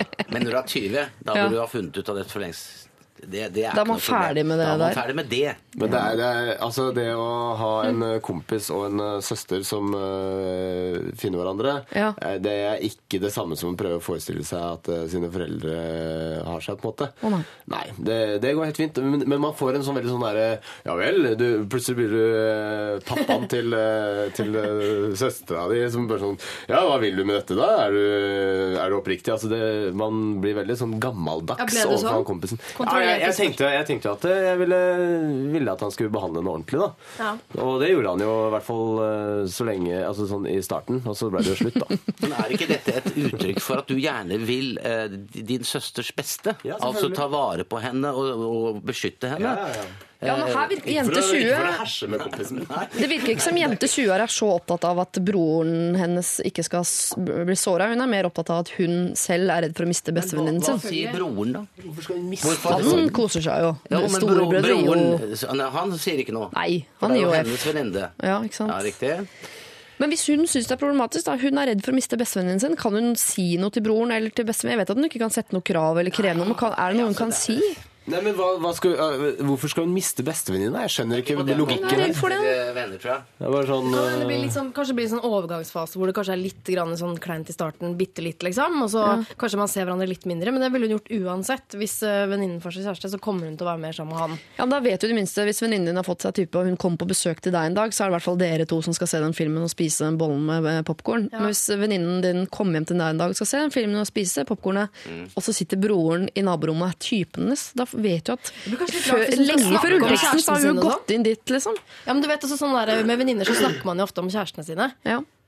Det blir litt rart. Kan hun kan det. jo ikke snakke Hun kan jo ikke utlevere broren bra. Nei, men øh, da har hun sikkert flere Ja. venninner som hun kan snakke om kjærestene sine med. Så det er jo ikke noe vanskelig. Man burde generelt snakke litt mindre om kjærestene sine, kanskje. Ja, jeg syns det utlevere folk er aldri bra. Nei. Uansett hvem det er. positive ting er lov å si. Positive ting er lov å si. Ja, skryt kan du gjøre. utlevere er, er jo et eh, negativt ladet ord, syns jeg. Ja. Utlevere. Ja. Baksnakke. Ja. Forsnakket derimot er noe annet. Ja, rett foran. Da er det positivt. Ja. Men uh, altså, det er, det er én gang de møtes øh, på morgenen til badet og bare sånn 'Å, hei, hei, du er òg, ja.' Mm. Men, uh, og så er det litt rart, og så, og så blir det hverdag, det òg. Ja, det hverdag. det er et ikke-problem, syns jeg. Det kommer til å gå dritbra. Så på spørsmålet kan hun stanse venninnen i å bli sammen med sin bror, så er det vel et rungende nei fra Lørdagsrådet, rett og slett. Dette var lettere enn jeg trodde. Jeg så for meg at dette skulle bli altså, skikkelig hodebry for oss. Men det var Ja, men Det var litt Nei. fordi Anders Atle var her, ikke sant? så ble det Ja. litt lettere. Jeg tror vi er sånn som hadde sittet og knota oss inn i det der. Å, herregud, hva skal vi nå? Sånn type. Ja. Det ble enklere. Tusen takk, Anders Atle og dere Jeg er andre. egentlig akkurat sånn som Anders Atle, men han sa det bare før meg. Du er litt seinere. Nei, du har jo ikke sovet så mye i natt. Nei, jeg har Det er ikke. du har. Labyrinth, eh, Tiny Tempa, Earthquake. Sett det i hvilken rekkefølge du vil. Det fungerer. Jonas eh, Kinge Bergland, eh, Anders Hatlo og Kristine Riis. Eh, skal vi bare dure videre med et nytt problem som ikke inneholder verken kjærlighet eller sex? Ja. Ja, greit det. Hei, kjære Lørdagsrådet. I disse tider med så mye skriving om ungdommens latskap og naving, så har jeg et lite etisk dilemma angående jobben. Jeg håper dere kan hjelpe. Ståa er slik. Jeg har i tre år jobbet deltid i en forretning i Oslo sentrum, samtidig som jeg studerer. Men selv om det er mye bra med denne jobben, så er jeg dritt hakkende møkkalei. Jeg har etter hvert utviklet et nærmest likegyld, en nærmest likegyldig holdning til å få pusha gjennom salg, og det vises faktisk ganske godt på omsetningen de dagene det er jeg som har vært på jobb. Til utfyllende info hører det til. Jobben er chill for meg, fordi det uansett er veldig mye dødtid her, og da kan jeg sitte og surfe på nettet eller lese pensum. Sjefen er en velstående fyr og er ikke akkurat på konkursets rand, fordi om jeg slakker litt. Men samtidig så føles det ikke helt bra. Er det etisk forsvarlig av meg å fortsette jobben når jeg ikke handler i firmaets beste interesse? Hva bør jeg gjøre? Skal jeg slutte å finne meg noe annet? Skal jeg fortsette å slakke videre, eller skal jeg fortsette her og skjerpe meg litt? Hilsen Sprettnisse. Det er Det er en jente på 27 år. At hun skal fortsette. Og hvis hun skal fortsette, så skal hun skjerpe seg. For jeg kommer inn i en butikk og skal kjøpe noe, og det virker som de er helt uinteressert. Da går jeg ut igjen. Det er helt opplagt, det. Ja. Du må kunne noe om det du skal selge, og du må virke interessert i å gjøre, gjøre meg til laks, på en måte. Ellers så må du finne deg noe annet. Men altså, selv om hun eh, da ikke er kjempeinteressert og du går ut av butikken, så har det ikke akkurat uh, skjedd en katastrofe. Du går bare til en annen butikk.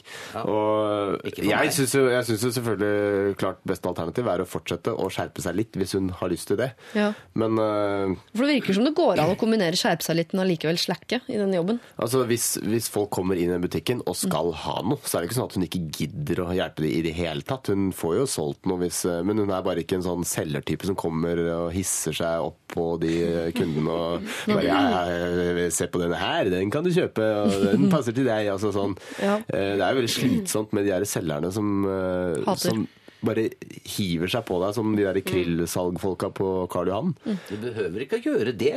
Nei, nei, men, Men altså, du kan jo være interessert i det du holder på med, selv om du ikke kaster seg over deg. Ja, men man, man kan jo bare være en hyggelig person som ja. forholder seg til andre mennesker, og det er hun Hun svarer sikkert på spørsmål hvis noen spør unnskyld, har du denne i medium. Så svarer hun vel sikkert Men det at han fyren ikke går konk, det har jo ikke noe hun noe med. Nei, du mener at hun har et moralsk ansvar for å Ja, men for, for, selvfølgelig. Så, lenge hun har den jobben Ja. og får betalt for det, så skal hun gjøre den ordentlig. Og hvis ikke, så finn på noe annet. Men jeg tenker at det handler ikke bare så mye om moral, kanskje. da Så så Holdning. Jeg blir så hes. Men uh, det, det handler jo litt om liksom, ja, holdning og ta et altså, ansvar for livet sitt. Da. Nå høres ut som en, altså, at hun leser et eller annet, at hun studerer noe. Da. Ja. Så det høres ikke så, Hvis ikke så ville jeg tenkt liksom, at eh, slutt i den jobben og finn deg noe du faktisk er interessert i. For det hørtes bare så utrolig kjedelig ut da, for Ja. henne selv. Når du tenker sånn jeg har også vært i sånne situasjoner hvor du tenker sånn Å, digg, nå kan jeg sitte og surfe på nett en time. Men det er sånn, sånn du er ikke keen på at livet ditt skal være sånn. Men hvis hun studerer liksom og går framover på et eller annet, så vil jeg altså bare skjerpa meg liksom litt i den jobben. Men hvis det er det som er hennes liksom hovedbeskjeftigelse, så vil jeg slutte. Men det er jo kjempedigg da, å sitte der og lese pensum. Og hvis det ikke er noe særlig kunder, og sånne ting, så er det dritbra. Ja, Tjene jeg litt bra tenker at og så sitte og lese pensum. Og hvis det er noe, så, så kan du bare gjøre den jobben. Ja, dette er en jobb å beholde. For tenker, hun studerer jo og skal bli et eller annet. Og jeg husker jo når jeg gikk på skole, så hadde man jo noen jobber som man ga altså helt fullstendig F i. Eh, Men jeg tok jo telefonen når den ringte. Men det var ikke sånn at jeg Og det føler kunden oppsøkte når kunder. eh, vi kommer inn i en butikk. Men det er jo litt vanlig, så er hun på jobb, så er du jo på jobb. Hvis du skjønner? Altså, Ja. Du kan jo ikke tenke sånn at eh, jeg er der fordi jeg egentlig skal gjøre noe annet, og så bare er jeg der for at da får jeg penger, og så kan jeg jeg tenker sånn, du, Man må jo tenke at hvis man er på jobb, så gjør man det. Og hvis det da skulle vise seg at det blir helt stille der, og at det ikke kommer noen kunder, så er det ikke så farlig med å lese litt. Men er det liksom- hennes ansvar å si fra til sjefen? For jeg tenker, hvis det syns, syns sier jo det, at det, det syns eh, på omsetningen de dagene hun har vært på jobb. Så jeg hvis det blir et problem, så vil vel, har vel sjefen en eller annen eh, oppgave også å si Han fra til henne? Fra, men hvis ikke han sier fra, eh, så er det jo ikke noe problem for henne. Da kan ikke hun bare Men, fortsette å eh, slakke fram til hun får en Ja, men jeg liten det er pekefinger? et moral, moralsk spørsmål òg. Hun sier jo at det føles ikke bra. Og det er jo ikke så rart, det. Skjønner jo det. Hva da? Hun sier jo selv at det føles ikke bra. Nei. Og det er jo alltid en sånn liten uh, varningsklokke, holdt jeg på å si. Hva Varningsklokken!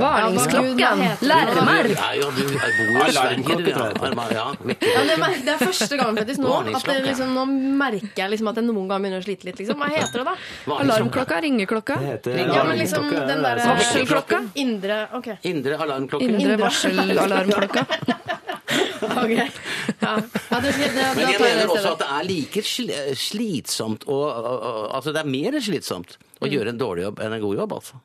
Ja, faktisk. Det er jeg litt enig. i. De dagene man er Så- sur på jobb, så, så dagen hvis går dagen man sakte. ville Mye verre. slite litt mindre, så, så skaff deg litt mer kunnskap og en, ha en litt annen holdning. Ja. Så ville det være mye bedre, gøyere å jobbe, og så ville omsetningen kanskje gå opp. Det å ha dårlig samvittighet koster veldig mye energi. Ja. Å gå rundt og stadig tenke på det greiene der, sånn, det tar veldig mye av Hun overskuddet. har jo Og Du får sikkert lest dårligere òg. Ja, hun har jo skrevet denne, mailen eh, Hun av har en det vondt årsak. inni seg. Ja. Men hun trenger ikke å tenke at jeg er en sånn som har dårlig arbeidsmoral generelt fordi hun er litt dårlig på jobben nå. Det kan være at den dagen hun jobber med noe hun interesserer seg for, så, så våkner eh, altså, lidenskapen i henne òg. Tror du ikke det? Behøver ikke å ta livet av seg for den Ja, det trenger du ikke. Nei, Behøver ikke. Helst ikke det. Men eh, skal vi gi et råd? Rådet, Det virker som om eh, dere er ganske enige om at hun skal bli i jobben. Eh, at hun ikke trenger å være en sånn pushy selger-type. Ikke- Eh, ikke For det er bare slitsomt. Ikke hiv det over folk. Vi er ikke på basar i Skedsme. Eh, Men du kan godt eh, Du må jo svare på spørsmål og skjerpe deg litt. Å være blid, kanskje bare Ja. Så blir det gøyere også. Ja, det blir gøyere jobb, og du kommer til å bli bedre på skolen, og du blir et bedre Ja. menneske. Det er mye kulere å tenke sånn Å, jeg får til å lese, og jeg får til jobben min også, liksom. Og sjefen får enda mer penger, og så kanskje han gir deg Kanskje høyere han lønn. frir? Alt kan Og så er lykken gjort. Kan du kaste boka òg? Nå har vi i hvert fall dytta deg i en eller annen retning, og vi vil jo gjerne høre hvordan det går med det også. Frir han, eller hva blir på en måte løsningen på, på dette Kanskje han gir deg butikken, for du er så god. Og så kanskje flytter de til en seg. Ja, det kan godt det hende, faktisk. Lykken er gjort. Si åssen det går, da. Eh, Send oss en mail, eller alfakrøll.nrk.no, så uh, veit vi om du, om du slutter eller slakker, eller om du skjerper deg, eller om du gifter deg med sjefen, eller om du flytter til den der eh, øde øya, som jo kom inn litt på tampen eh, der. Det kunne vært en interessant vri. Lørdagsrådet. Don't Stop The Music synger hun eh, Rihanna, og vi har også hørt Charlotte Kvale som eh, hadde låta The Beginning of the End. Eh, Anders Christian Hatlo. Du rister på hodet. Men det er du som har sagt at du er heter Christian, så vi har hengt oss litt opp i det. Kristine Riis, har du noe mellomnavn, egentlig? Er det noen navn vi glemmer? Unnskyld? Skill? Hæ? Midtskill? Vet dere ikke det? Visste ikke du det? Ja, At det heter Skill? Kristine Schill Riis. Nei, da hadde vi brukt det, misbrukt det. Ja, men, I aller høyeste grad. Ja, men det er kanskje derfor jeg liksom aldri bruker det. Kristine Nei, men er det et etternavn altså, eller fornavn, et- er et etternavn? Det er Et et etternavn. etternavn. Eh, Er det et mammaen din som heter Schill? Ja. Tysk? Eh, Schill? Ja. S-C-H-I-L-L. Det er altså skyld.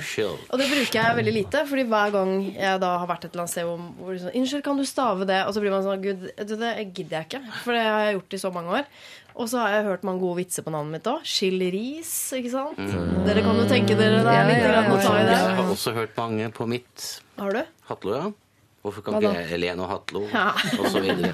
Vi, Oi, jeg lo litt for mye. da. ja, de er så gamle at det bare gråter. Men det er noe med at man ler liksom, Nå lo jeg ikke sant, av dem, for jeg hadde liksom ikke hørt dem før. da Nei. Men du ikke sant, du ler jo ikke av det nå lenger. Og litt sånn har jeg hatt det med sånn så Schill. da, ja. Ikke at det har vært så voldsomme vitser, altså, men eh, Nei, jeg bare liker Kristine Riis bedre. Har du fått eh, ja, Kristine Midt eller Sideskill eh, Ris? Har du fått den mye? Den har du nok ikke hørt før. Vet du, Den eneste jeg faktisk synes er mest morsom, er heter onkelen din Uncle Benz. Det syns jeg er gøy. Er det noen som tar den? Hva da? Jeg tok den. Onkel Bens ris, ja. Men Da går det ikke på chill. Å, onkel Bens ris. Nei, det, nei, det gjør Jo, men nei, det gjør kanskje ikke det, nei. Men det er litt sånn chili. ikke sant? Det er sånn nesten Ja, ja. Ja. Nei, men, Hurtigris er det nei, den er faktisk Kanskje ikke jeg har hørt så mange vitser. Nei, kan du se. Hurtigris? Ja, Hurtigris er fint. Kristine Det kan jeg kalle meg selv om morgenen. ikke sant? Ja. Fordi du er så rask, eller? Ja, Fordi jeg du må stresse litt. Eller blir det ironisk? Eller hurtig, da. Ja. Jonas Kinge Bergland, har du noe, er det noe mer på deg, navnmessig? Nei, det var um, Jeg gikk en liten periode da jeg var liten og, og sa til folk at jeg het Sigvart. Eh, så jeg kalte meg for eh, Jonas Sigvart uh, Kinge Bergland. Men det Fordi at, uh, fordi at jeg skulle egentlig hete Sigvart. Eh, men så heter pappa det som mellomnavn, og så hadde man pappa en bikkje som heter Sigvart. Så det er veldig dumt å ha tre i familien, inkludert en bikkje som het Sigvart. Da. Så da ble det Jonas, og så tenkte jeg at faen, det er ikke så bra. Så jeg syntes det var mye kulere med Sigvart. Så jeg gikk rundt og kalte meg for Sigvart. Lang historie med Jeg synes er litt det, ja. Ja, det- Og du selv, da? Nei, vi, altså, vi på østkanten heter bare to ting. Ja. Ja, for og etternavn. Så greit er det. Eh, jeg har ikke kalt meg for Johanne. Siri Johanne. ja, ikke sant. Hvorfor det? Jeg syns det var fint. Ja, Men hvor gammel var du når du gjorde det her? 17-18? Kunne du skrive? 17-18? Sikkert like bra som nå. hvert. For jeg drev og skrev autografen min med Sigvart. Autograf, du øvde på den. Ja, ja. Øvde du på autografen din når du var liten? ja veldig- Lillebroren min driver med det nå. Jeg er sånn der, det er sånn tegn på at man har veldig lyst til å kanskje bli komiker eller skuespiller. eller sånn. Tror du ikke han blir skuespiller, lillebroren din? Jo, jeg tror det, ja. Skal jeg være helt ærlig. Så Kan du vil gi noen råd, sånn- råd, eh, Anders Atlo, som eneste skuespiller her, eh, til en Ja, ung gutt som vil bli et navn skuespiller? som kan selge. Mm. Ikke kall det Anders Christian Atlo, for eksempel. Hva heter han for noe? Erlend. Skill. Nei, Riis. Erlend Riis. Erlend Riis. Mm. Ja, det kan bli bra. Det kan bli bra. Men, Men hva eh, med Sigvart? Kan han hete Sigvart? Men du råde, kunne du ha råda barna dine til å følge dine fotspor som skuespiller, for eksempel, Anders Hatlo? Er det en, vei å gå? Ja, altså, eh, det var en som sa en gang, og det er jeg litt enig i, kan du tenke deg noe annet? Ja, ja, da skal du gjøre det. Ja, det sier alle, men er det sant? Ja, for dette er ganske tøft. og Det er, eh, du blir ikke rik av det, liksom. I hvert fall ikke i Norge. Hvis ikke du går, drar til Hollywood og slår igjennom. Nei. Og da burde du Bor også ikke du på Nesøya og stup utafor hagen og på det, og- rådyr og alt mulig? synes det er ganske Det går Ja, ja, brukbart men altså. Det kan gå bra, liksom. Går an å ha flaks. Ok, Så det, vi kan råde folk til å bli skuespillere, altså. Ja da. Ja. Kan Da gjør vi du det. vil. Kan du råde folk til å bli lege, eh, Jonas? Ja, ja, det er kjempebra. Er det overlegen du tenker på, da? Kristine? Mm. du råde folk til å, Journalist, som jeg til å bli egentlig er. journalist? Ja, absolutt. Absolutt. Er du journalist? Vi skal nemlig hvert øyeblikk hjelpe en student som har løyet litt om eh, sin egen alder til sine medstudenter. Og straks skal hun feire bursdag, men eh, kan hun da invitere medstudentene? Hm. Rett på andre siden av The Killers. Lørdagsrådet.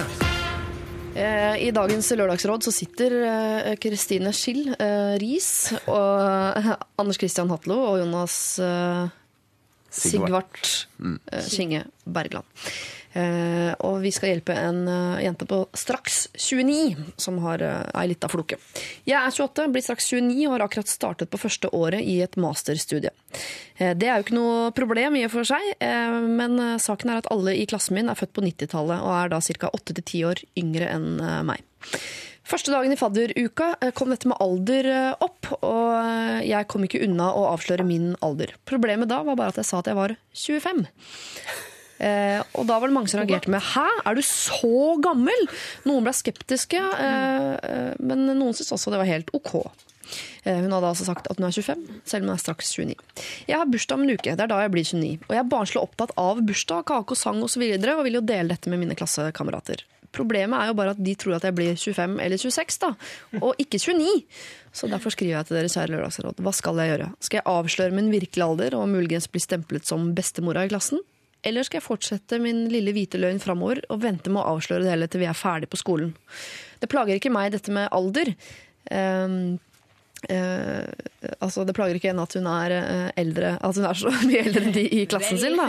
Eh, Nei, Hun skriver jo dette ikke sant? Men hun har jo jugd, så problemet er utgangspunktet at hun har jugd. Og igjen så er både eh, studiet avhengig av et godt samarbeid med medstudentene, samtidig som jeg er redd for å bli utelatt fra student- og klassemiljøet dersom 19-åringene innser at jeg faktisk er ti år eldre enn dem. Så hva skal hun nå gjøre? Det er jo kjempegøy da, å ha et alter ego på skolen, hvor hun er eh, 25 eller 26 og går rundt og, og går med sånn Hello Kitty-bag og, og eh, bare er veldig yngre. Og så drar hun hjem og kler på seg de gamle dameklærne sine og, og er eh, 29. Det er veldig Ja, gammelt. ja, det, er Skjerpe det. er, Man har liksom, det er fire år. Ja, dette er Supermann-problematikk, er Ja, ja, ja. Virkelig. Men vi må bare, jeg, jeg syns vi skal bare fortsette å, å ljuge til alle sammen. Og så når vi får vite det om mange år, så, så kan de le av det. Ja, fordi Nå er det nesten litt teit, men om, om fire år så er det kanskje bare, er det så teit at det er morsomt. Men det er som et masterstudie er fem år, ikke sant? Ja. Jeg bare synes det er så gøy at Hjernen er sånn at idet du liksom sitter et sted, og så har du kanskje tenkt litt at å, jeg er litt for gammel, og sånn, så noen spør deg, så plutselig så har du løyet, liksom. Ja. Jeg er 25. Det var, Men det har antakeligvis gått for lang tid allerede. Altså sånn, øh, Hun har jo sagt det her øh, sikkert sånn fadderuka. Hvor lenge siden er det? det er jo, eller, hun hadde kanskje ikke fadderuke på masterstudiet, men øh, sånn tre uker siden. Så hun har gått rundt i tre uker og gitt de inntrykk at hun er fire år yngre enn Ja, men hvor ofte har hun sagt det? Kanskje hun har bare sagt det én gang? Det må jo gå an å si 'Å ja, sa jeg det?' Nei, det Nei, det blir kanskje teit å lyve igjen. Nå skulle jeg til å gi et råd om å lyve igjen. Ja, det er Nei, men først har begynt, så syns jeg det kan være greit. Altså. Men øh, hva Nei, det, altså Ærlighet varer lengst. Ja. Eh, når jeg går på polet, så sier jeg 'skal du ikke ha legg'? For der står det 'vis legg uoppfordret'. Og så sist jeg var på polet, mm. en uke siden, eller hva det var, så sier hun da 'men å, du skal bare ha kjærligheten, du'. Så fikk jeg en kjærlighet på den, står det 'takk for at du viser legg uoppfordret'. Og så fikk en, Så fikk altså en fysisk belønning for å, å være ærlig Yes. på polet. Så det er ditt råd nå til senior seniorstudent? Og jeg vet ikke hvor mange si som har fått gratis eh, ting på polet. Det er ikke mange. Jeg har en øh, kompis som har et veldig godt sitat. Han sier ærlighet var lengst, unntatt i forhold og sånn. da. Ja, ja, men Mener dere at du skal av- avsløre det nå? Ja, det syns jeg, da. Men, Jeg eh, er faktisk 28. Ja, men Den aldersforskjellen er jo der uansett. Jeg må innrømme det at Hvis jeg skulle gå på skole nå Ja. Jeg er 30 nå da Hvis jeg skulle gå på skole med liksom, noen på 18, liksom, så ville jo jeg følt like mye på den aldersforskjellen som det de eventuelt kommer til å gjøre. Det, Ja. Er det ikke litt sånn at man er yngre, syns man at de som er eldre, er litt kulere? Liksom? Men det går jo ikke motsatt vei. Man syns jo ikke at de som er veldig mye yngre, er veldig mye kulere. Er det, Ja, men Hvis du er 19, så syns du ikke folk på 29 er dritkule. er det så, er, vi- Ja, men, det så er, det, er det gammelt, liksom? Ja, ja, det er Jo, men tenk. De har jo allerede på en måte trykket henne til sitt bryst. Hun sier jo at de har blitt kjent. Og, og, altså, de har jo antageligvis blitt venner allerede. Og det er vel uh, ikke sånn at hvis hun nå sier Sorry, for jeg er ikke 25, jeg er 29. Så er det ikke sånn at folk kommer til å reagere sånn. «Hæ? Er du 29? Da kan vi ikke være venner lenger. Men kan du ikke lage et lite poeng av det i det bursdagsselskapet? da? Altså Gjette f.eks. at jeg har løyet på alderen. Ja. Det er morsomt å bare lage sånn- ned, og så videre, så videre. Så kan du komme med den Lage et show sannheten. så folk Og så liksom forklare at det, dette spiller jo ingen rolle. Det er jo mennesker som spiller rolle. Ja, vi må i hvert fall gjøre det med litt humør. Hun kan ikke ta en sånn Nei, det er det. folkens, Nei, vi må gjøre en, sammen. eh, Gjøre en- gjøre gjøre en en event på ut det. av det. hun Altså, vi må si sånn du, Vet du hva, jeg har, jeg har eh, kødda med dere, og jeg veit ikke hvorfor jeg gjorde det, men det bare ramla ut av meg at jeg løy, og så måtte jeg bare fortsette med løgnen. Og da tror jeg de kommer til å synes det er gøy. Ja. Eh, så når hun har det bursdagsselskapet, så bare sånn der, jeg digger bursdag, jeg vil ha dere her, og dere er eh, mine nye unge venner, og jeg blir 29. Ja, og så tar hun inviterer Men det går an å bruke den gjettekonkurransen, og så blir det kanskje Noen ja, sier men så tar hun fram masse sånne bilder. Hun lager powerpoint-show. ikke sant? Så har hun masse bilder av par i ulike aldre. Sånn, her, Gjett aldersforskjellen. Eh, så har hun noen gags på det, liksom. Det er veldig vanskelig å finne alle de bildene. Ikke? Nei, Hei da. Nei da. Hør på gamlefar på hjørnet. Og så finne de Da jeg var ung på folkehøyskole, så var det en, eh, en eh, mann som var 25, og da da var vi sånn 1920. Og vi syntes han var Ja, jeg husker faktisk det selv. jeg. At, han, at de er gamle, da.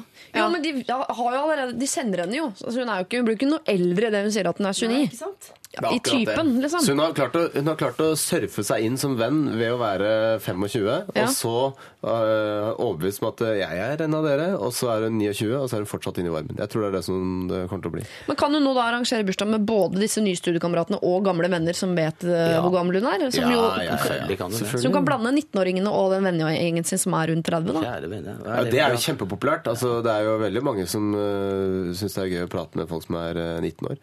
Og spør ja, sånn er det å være uh, russ og sånn. Er det din pickup line? ja, Åssen er det å være russ og sånn? Er det gøy, eller? Men Kan hun invitere alle i klassen til eh, Kan hun gi ut sånn bursdagskort? Invitere en i 25-årslag, en annen i 26, en i 27, en i 28, en i 29 Alle blir invitert, så ingen vet hvor gammel hun blir. Så kommer de dit, og så har de denne Gjettelek. gjetteleken som Anders foreslår.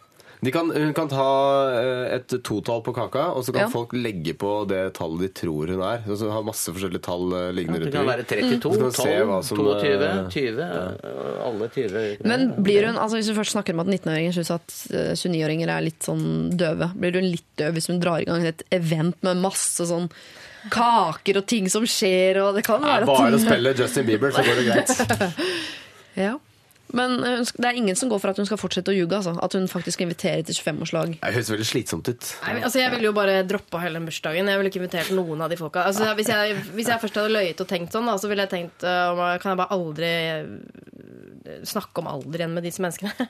det må de bare glemme. Og så må jeg ikke liksom, si at det er bursdag eller noen ting. Ja, men om et år så blir hun 30, og da må hun i hvert fall Du, ha hvis hun skal gå på et masterstudie i fem år, kanskje plutselig få, skal få barn altså, det der, De kommer til å få vite hvor gamle hun er. Ja. Ja, De kommer til å få vite på et eller annet tidspunkt hvor gammel hun er. Er det bedre å si det nå, Stå eller fram. Stå- Kom ut av skapet! Aldersskapet. Aldersskapet. Og det antikke skapet i hjørnet. Si at du er 29. Kom ut av skatollet. Okay. Reis deg i forelesning bare sånn Jeg har en uh, Nei, ikke gjør det er alvorlig. ikke det vi pleier å si? Ikke gjør det som alvorlig. Eh, Jeg tror rådet her blir seniorstudent, eh, at du er nødt til å komme ut av aldersskapet. Eh, Men ikke gjør det sånn alvorlig. Ta det som en litt sånn morsom greie, og gjør det gjerne enten som en invitasjon til bursdagen, eller gjør det i bursdagen. Gjør det i hvert fall om til litt sånn med godt humør, og gjør det om til en sånn morsom happening. Det at du har jugd eh, på alderen, så er jeg helt sikker på at de som allerede liker deg, ikke kommer til å like deg noe mindre bare fordi om du er enda eldre enn det du allerede har gitt inntrykk av. uoppfordret. Ja, vis legg uoppfordret. Eh, apropos alder, Bjørn Johan Muri skal vi høre her. Og ah, min favoritt av han så langt. Fortsatt, jeg vet eh, Jeg liker ofte det, det første best. Dette her er eh, Yes Man. Du hører på Lørdagsrådet med Siri. Vi skal holde oss litt til, dette, til studenttilværelsen, som jeg allerede har vært eh, innom, eh, med denne dama som har jugd seg nedover i eh, alder. Jeg kan jo si til deg også, du har fått en mail fra Torstein, du som har jugd på alderen, som skriver Jeg er nettopp ferdig med bachelorstudiet, startet da jeg var 32. Alder var ikke noe problem, jeg bare hang med de kidsa som var mest voksne for alderen. Slutt å lyve! De som diskriminerer fordi du er gammel, er ikke kule uansett, skriver Torstein. Så da veit de. Eh, Men som sagt så skal vi holde oss til eh, studentproblematikk, men her er også litt eh, kjærlighet involvert. Det oppstår jo så mye, kall det hva du vil, kjærlighet under fadderuka da, ikke sant? Hun skriver Kjære Lørdagsrådet. Jeg er en jente på 22 som studerer biologi. I fadderuka hadde jeg en slags flørt med en av fadderne. Vi snakket ikke noe sammen på skolen, bare smilte litt til hverandre kanskje. Men nesten hver kveld så snakket vi masse sammen, og det endte med at vi gikk sammen hjem flere av kveldene. Eh, og det at vi bare smilte til hverandre på dagen, gjorde det hele litt mer hemmelig og spennende. Nå vil jeg ikke ha noe forhold for øyeblikket, men jeg kan godt tenke meg å ha en å kose litt med. Men denne uken på skolen er det som om han unngår blikket mitt, og jeg tar meg selv og blir helt oppslukt av det. Tenker på han hele tiden. Hva gjør man når noen man vil bli kjent med, bare unngår deg på den måten? Jeg aner ikke om jeg skal unngå hans blikk og leke kostbar, eller om jeg burde være den bedre personen og insistere på at vi har noe med hverandre å gjøre. Jeg vil at vi skal kunne være venner, og litt mer i helgene. Her, er- ja, her er det jo litt mellom eh, linjene. Altså, det er en jente som har flørta med en medstudent, bare på kvelden. Men Eh, har de har ikke klina Nei, ingenting, så vidt vi vet, men har veldig god tone. Og hun sier at hun ikke vil ha kjæreste, men vil bli bedre kjent. Så sier det stopp fra han. Eh, Jeg spør Jonas først, eh, Kinge Wergeland. Hva er det som har skjedd her? Altså, det som har skjedd er, for de har, de har, ikke, de har ikke bare gått sammen eh, hjem, de Jo. har jo havnet på samme rom etterpå, Nei, de har bare tatt følge hjem. Er det sant? Hmm. Altså Sånn ville ikke du ha gjort det. Skjønner ikke du. Dette var merkelige greier. Hva, hva er vitsen med det, da? Nei, eh, jeg tror nok at eh, han tror at hun vil eh, Altså at han er redd for at hun har blitt forelska, og så er ikke han så veldig forelska. Så da prøver han å virke sånn eh, Fase ut det ved å gå rundt og se en annen retning. Ja. Men uh, hvis hun skal ta det opp, så må hun jo uh, Da må hun gjøre det på en litt sånn uh, Ikke sånn at det skal være så veldig alvorlig. Bare sånn her Du, kan ikke vi bare fortsette å ha det veldig sånn problemfritt og sånne ting? Eh, ikke noe sånn Men Nei, ikke En gang man sier det, så skaper man litt problemer. En gang man inngår en Hvis han allerede er litt redd, for han tenker at hun liker meg bedre enn det som var meningen, og hvis hun med en gang da i det hele tatt tar opp en samtale med en fyr med Men det er så gøy, gøy når man prøver å være sånn kul dame. Liksom. Sånn, han kunne bare ha sånn her problemfritt forhold. da. Og så bare er en sånn kul dame som du bare kan ligge med i helgene. Altså, jeg det er null stress at du treffer andre, og det er helt kult for meg. Det er sånn, det, jeg, jeg hører du sier det sånn, så høres det utrolig dumt ut. Men eh, hvis de bare har gått sammen hjem og klina på to fester på De har ikke fadderuka klina, sier jeg. De har ikke klina engang. Nei, men de har hatt veldig god tone, og hun har falt for denne gutten. Men det kan jo ikke han vite. Kan han det? Så hun har rett og slett blitt forelska i en fyr som hun har uh, prata med på Ja, to det er sånn de fester. gjorde i gamle dager. Det går okay. an, det. Ja vel. Det, det her er jo veldig rart. At hun liksom Hva skal jeg gjøre? Jeg har blitt forelska i en fyr. Det er det som er problemet. Ja. Ja. Ja, da, da prøver du å sjekke henne. det opp, da. Han overser, men det er allerede vært kontakt, og nå er det ikke kontakt lenger. Det er vanskelig å ta opp kontakten igjen. Det hadde vært bedre hvis de aldri hadde hatt noe med hverandre å gjøre, for da kan man begynne fra scratch. Åh, det er så vanskelig, for han vet jo liksom ikke hvor mye han har fått med seg. Hvis de, han er fadder i tillegg, ja, så han eh, kanskje bare har vært hyggelig, eller Kanskje han bare fulgte henne hjem som en Jeg sånn tror han har funnet en annen. Du tror han har funnet en Ja, ja, ja. Slutter å møte blikket. Altså, En fadder de er jo faddere fordi at de har lyst til å finne på noe tull med de der fadderbarna. Og når han har drevet og blikka litt med henne, så har han tenkt sånn ok, hun er en mulig kandidat. Og så plutselig finner han en annen, og da må han slutte å blikke med henne. Så Det kan sånn være en sånn grisegutt som deg, Jonas, som har tenkt sånn skal vi bare ta følge hjem, ikke noe mer. Det er helt håpløst. Og så har han gitt opp. Ja, men jeg trodde at det var en sånn derre eh, hva, hva heter det? Skjult beskjed her, at vi har tatt følge hjem. Anders, nå må du si noe snart. Hva tenk, hva... Ja, klarer du å tenke så langt tilbake? Ja. Jeg bare ler. Jeg bare tenker på sånne ukeblader hvor det står 'Klara Klok sier' Dette problemet løser seg eh, enkelt og greit. Jeg, ja. Hva skal man gjøre med sånt? Nei, hva skal man gjøre med sånt? Hvis han ikke møter blikket ditt, så, så ja. Du får uh, la være å se på han, så kanskje han uh, ja. begynner begynner å lure på eh, Å, har hun mistet interessen for meg? Ja, kan men er det ikke Går det for kostbart, Kostbar-trikset? Ja, men hva skal, du, hva skal du gjøre? Da skal du gå bort og spørre hva hva er det for noe galt? Ja, for det må hun ikke gjøre. Nei, for Gjør du det, så har du jo sagt Ja, Altså, da er toget reist. Men hun, Ja. må, hun må bare bli penere og kulere. Det, er, det funker alltid. Ja, eller se vekk. Se en annen vei. Hver gang hun, eh, han eh, altså, er i nærheten, så ser hun vekk fra ham. Og så begynner han å tenke mm, hva er det som skjer nå? Er hun ikke Hun må bare interessert i drive meg? sånn mindfuck, og så Er hun ikke bli interessert i, meg? For at eh, noe annet ser man ikke. han, da. Og så må hun stå og prate med andre gutter og le kjempehøyt når akkurat når han går forbi. Ikke sant? Ja, et eller annet. Så se vise interesse for andre. Ah, jeg kjenner at jeg blir litt sånn Æsj, drit i han, da.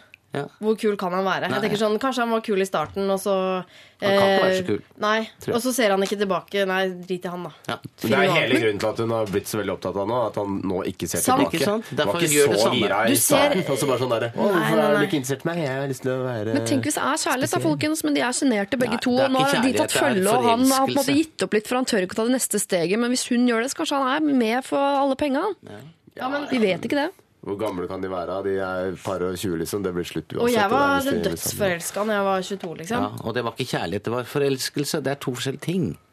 Gaute Ormåsen har en god sang om det der. Kjærlighet er mer enn forelskelse. Men hva er egentlig forskjellen?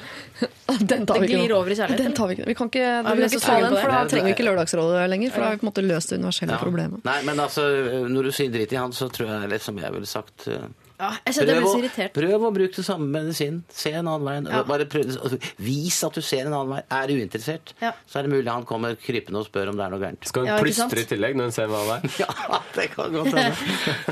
Du du er det ingen som syns det kan være et forslag bare å være blid og hyggelig og snakke med han? Jo, er Jo, blid og jo, hyggelig. selvfølgelig. Absolutt, Bli jo hyggelig i bånd, liksom. Men du behøver ikke sitte og glo på han. ikke sant? Det er det med at du liksom, Vær hyggelig, liksom, men så bare snur du deg litt vekk, sånn at det virker som at du er opptatt med han helt andre ting. Da Ja. Har ditt eget liv, liksom. Det er bare hyggelig hvis han har lyst til å Nei, jeg skjønner jo at øh, han uh, har slutta å holde det blikket hvis hun sitter og glor på han. sitter Hver gang hun han ser bort på henne, så sitter hun og nistirrer. Men jeg må innrømme at jeg har konsentrert meg voldsomt. Altså sånn I begynnelsen av forholdet eller sånn i begynnelsen av ting og sånn, så er det virkelig å gå på en stram line, liksom. For å ikke liksom for mye, for lite, titte litt, ikke for mye. Altså, det er virkelig liksom Det det, det tar krefter. Ja. Ja. Nå legger vi veldig mye i dette her, eh, kjære deg, jente eh, 22. og Du vet jo mer om dette enn det vi gjør, men vi leser litt mellom linjene at han eh, kan ha mistet interessen, dessverre. Men du kan plukke den opp igjen ved å fortsette å være blid i bånd. Men kanskje gjøre det eh, litt mer kostbar. For det kan nok hende at han har lest nettopp det du skriver til oss. Ikke at han har lest det fysisk, men i, i måten du er på. At du har blitt litt mer forelska litt fortere enn det han hadde tenkt da når dere tok følge hjemover. Eh, Så bare fortsett å være blid, eh, men ikke glo. Vær blid, men ikke glo. Kan det være en liten mantra? Det er en øh, fin greie, det. altså. Hver morgen sitter jeg selv i Generelt speilet. Vær blid, men ikke glo. Ikke glo for mye i dag, da. Ah, jeg håper det ordner seg. Jeg håper selvfølgelig han er forelska i deg, og at dere uh, blir kjærester. Eh, hvis dere gjør det, eller ikke gjør det, så si fra til oss. da, for vi i Lørdagsrådet lurer på hvordan det går med dere der ute etter disse rådene. Om, om dere tar dem i bruk, om det fungerer i det hele tatt. Jeg sender oss en oppdateringsmail. Eh, lr.alfakrøll.nrk.no bruker du da. Lørdagsrådet på P3. Kjære Lørdagsrådet. Kjæresten min og jeg har gått en stund med planer om å få barn. De gode nyhetene er at her om dagen fikk jeg positivt svar på graviditetstestene. Tre forskjellige sådan, og er da mest sannsynlig gravid. Og det er veldig bra.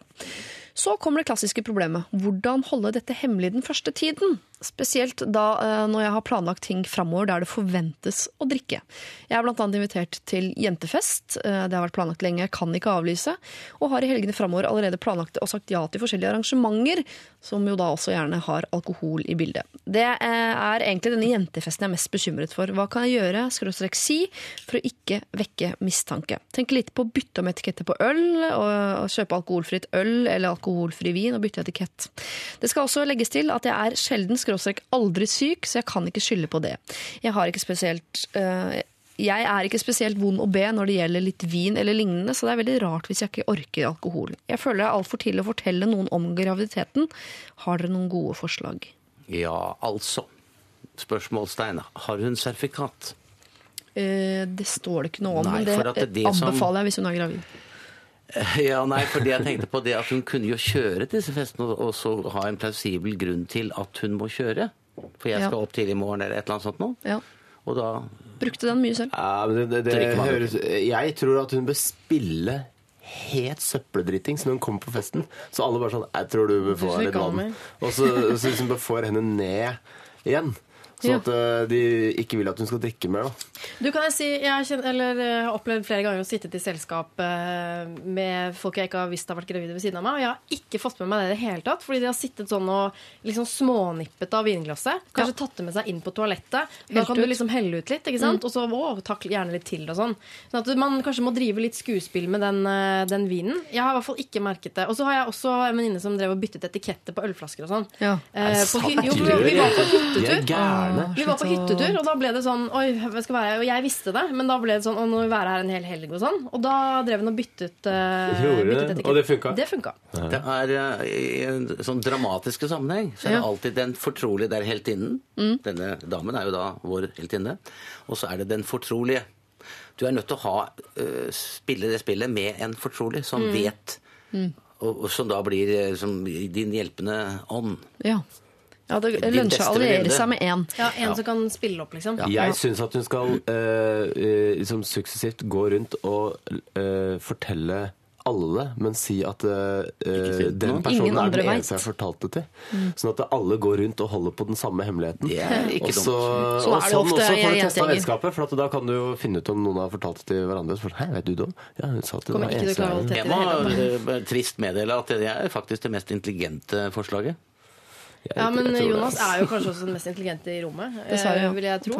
Men, men jeg tenker, jente, bare som jente da, så vet jeg liksom at når du får den beskjeden sånn, ja, Dette sier jeg bare til deg, du må ikke si det til noen. Ja. Da bare kjenner man med en gang at man bare Ok, jeg tror jeg klarer å holde meg i en halvtime, og så må jeg si det til hun andre der borte. liksom Da vil jo det i løpet av et par timer liksom spre seg ganske kjapt på den Det festen. er nok sannheten. Antageligvis. Antageligvis. Jeg nok. Men jeg, jeg har jo et spørsmål, og det er hvorfor, hvorfor skal alltid være Simar hemmelig? Jeg vet at det er den tremånedersregelen som alle er veldig opptatt av, men det virker som det er en sånn regel man får tredd nedover hodet. Eh, hvis det er gode venner Jeg har i hvert fall alltid, alltid tenkt de 150 gangene jeg har vært gravid, at eh, hvorfor kan jeg ikke Liseth si det? Hvis det går, jeg sier det jo til gode venner.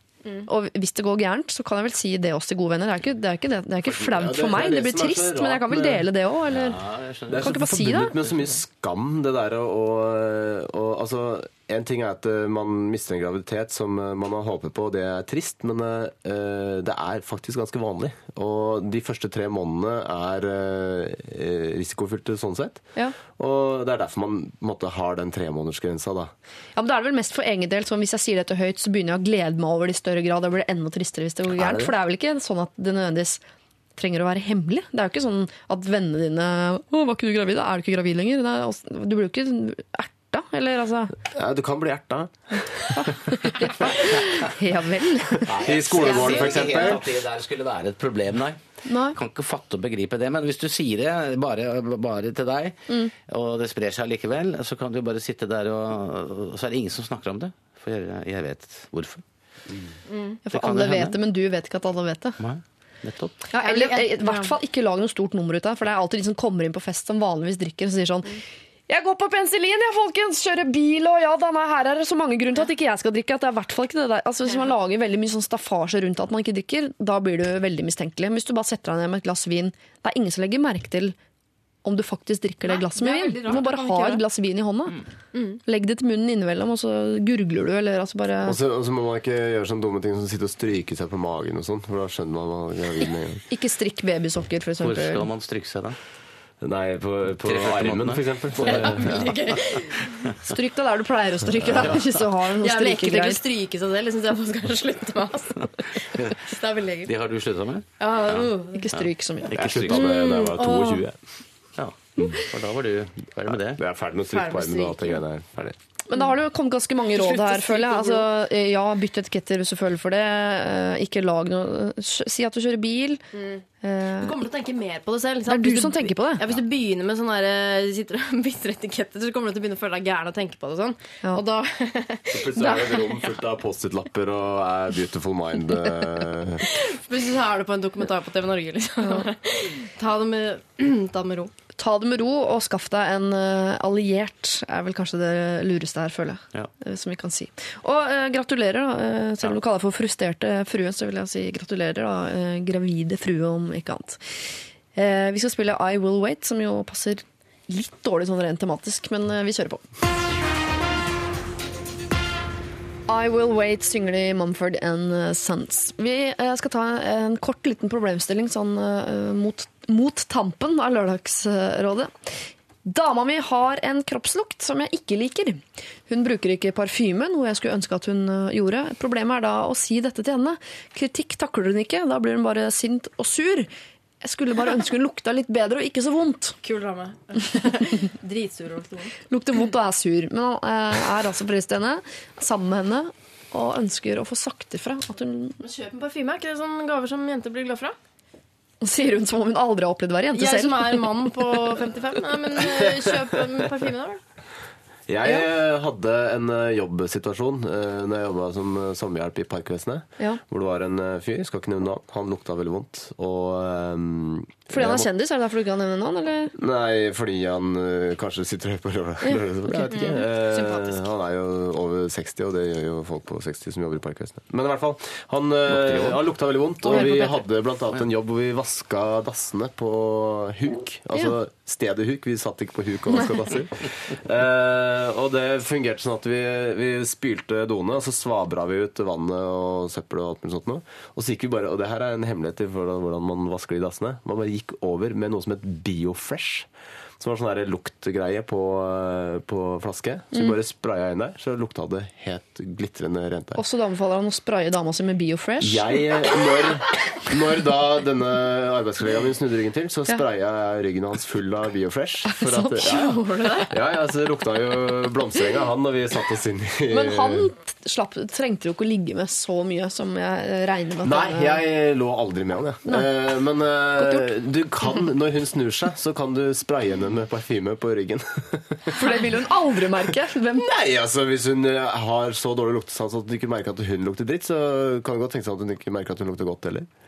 Ja, man, lukter, man lukter jo ikke sin egen eh, kroppslukt. Det er ikke det som er sånn tegn på at du har funnet den rette parfymen. Er det ikke du lukter din egen parfyme?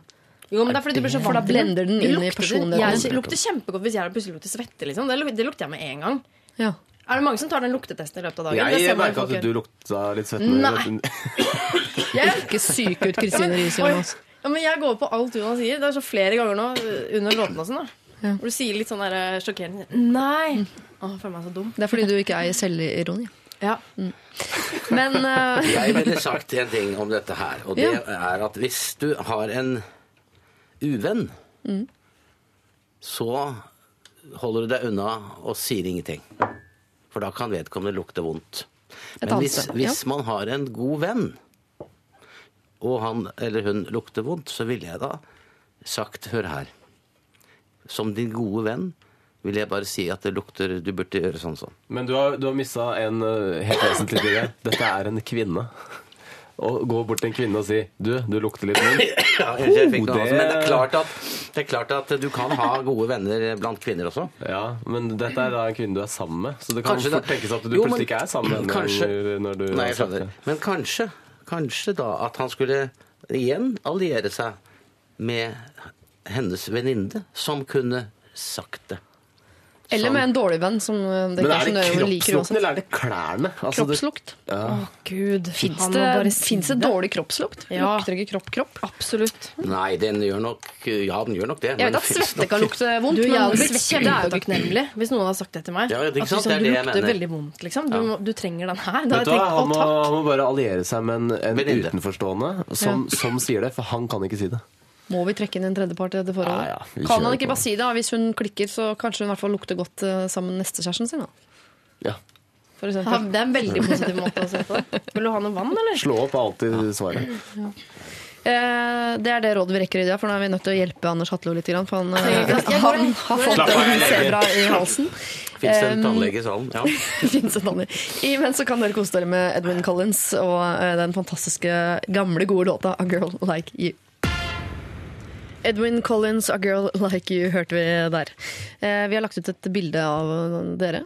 Og meg. Av oss, kan jeg vel si, da. Eh, for ikke liksom splitte oss opp i to grupper. Eh, oss. eh, Jonas eh, Kinge Bergland, eh, Kristine Riis Anders Hatlo og meg selv, som ligger på Facebook-siden vår. Eh, veldig fint bilde. Mm. Det ser ut som vi er en gjeng. Så vi er jo en gjeng. Vi er en gjeng. Jeg føler liksom at vi har blitt det òg nå, de siste tre timene. Absolutt. Eh, Gå inn og se på det eh, hvis dere har lyst. Eh, Vi skal dele ut en T-skjorte til eh, den av eh, våre deilige lyttere som har sendt inn et problem som vi føler at trenger noe mer enn råd. Det trenger liksom noe, noe fysisk å holde i hånden, noe mykt. En T-skjorte. Er det bare inn. hvilken som helst T-skjorte? Hvordan ser den ut? Jeg har alltid lurt på det. det Ser det ut som gardiner, eller? Ja, det gjør den faktisk. Altså, det er samme logoen, en T-skjorte med en sånn P3-logotrykk på. Ja. Litt mindre. Vi har ikke egne Lørdagsrådet-T-skjorter. Det er kjempetrist. Hvis alle sender mail til eh, vildebatser.nrk.no, så kanskje vi får det til. Og ber om egne Lørdagsrådet-T-skjorter. Vi vil ha det. Vi får det ikke.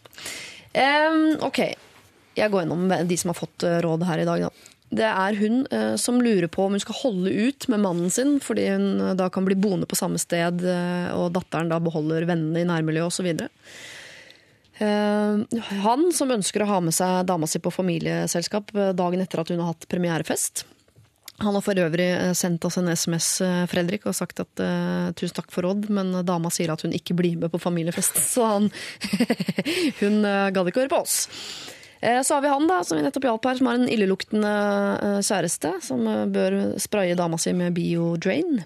Biofresh. Biofresh, ja. Mm. Så har vi denne late ansatte med den dårlige samvittigheten, som eh, har sluttet å, å jobbe på jobben, rett og slett. Eh, Så har vi hun som ikke vil miste bestevenninnen sin, som er i ferd med å bli sammen med broren eh, hennes, samtidig som hun selv roter med kompisen til broren. Eh, Så har vi seniorstudenten som har jugd av seg noen, eh, noen år eh, på, eh, på skolen.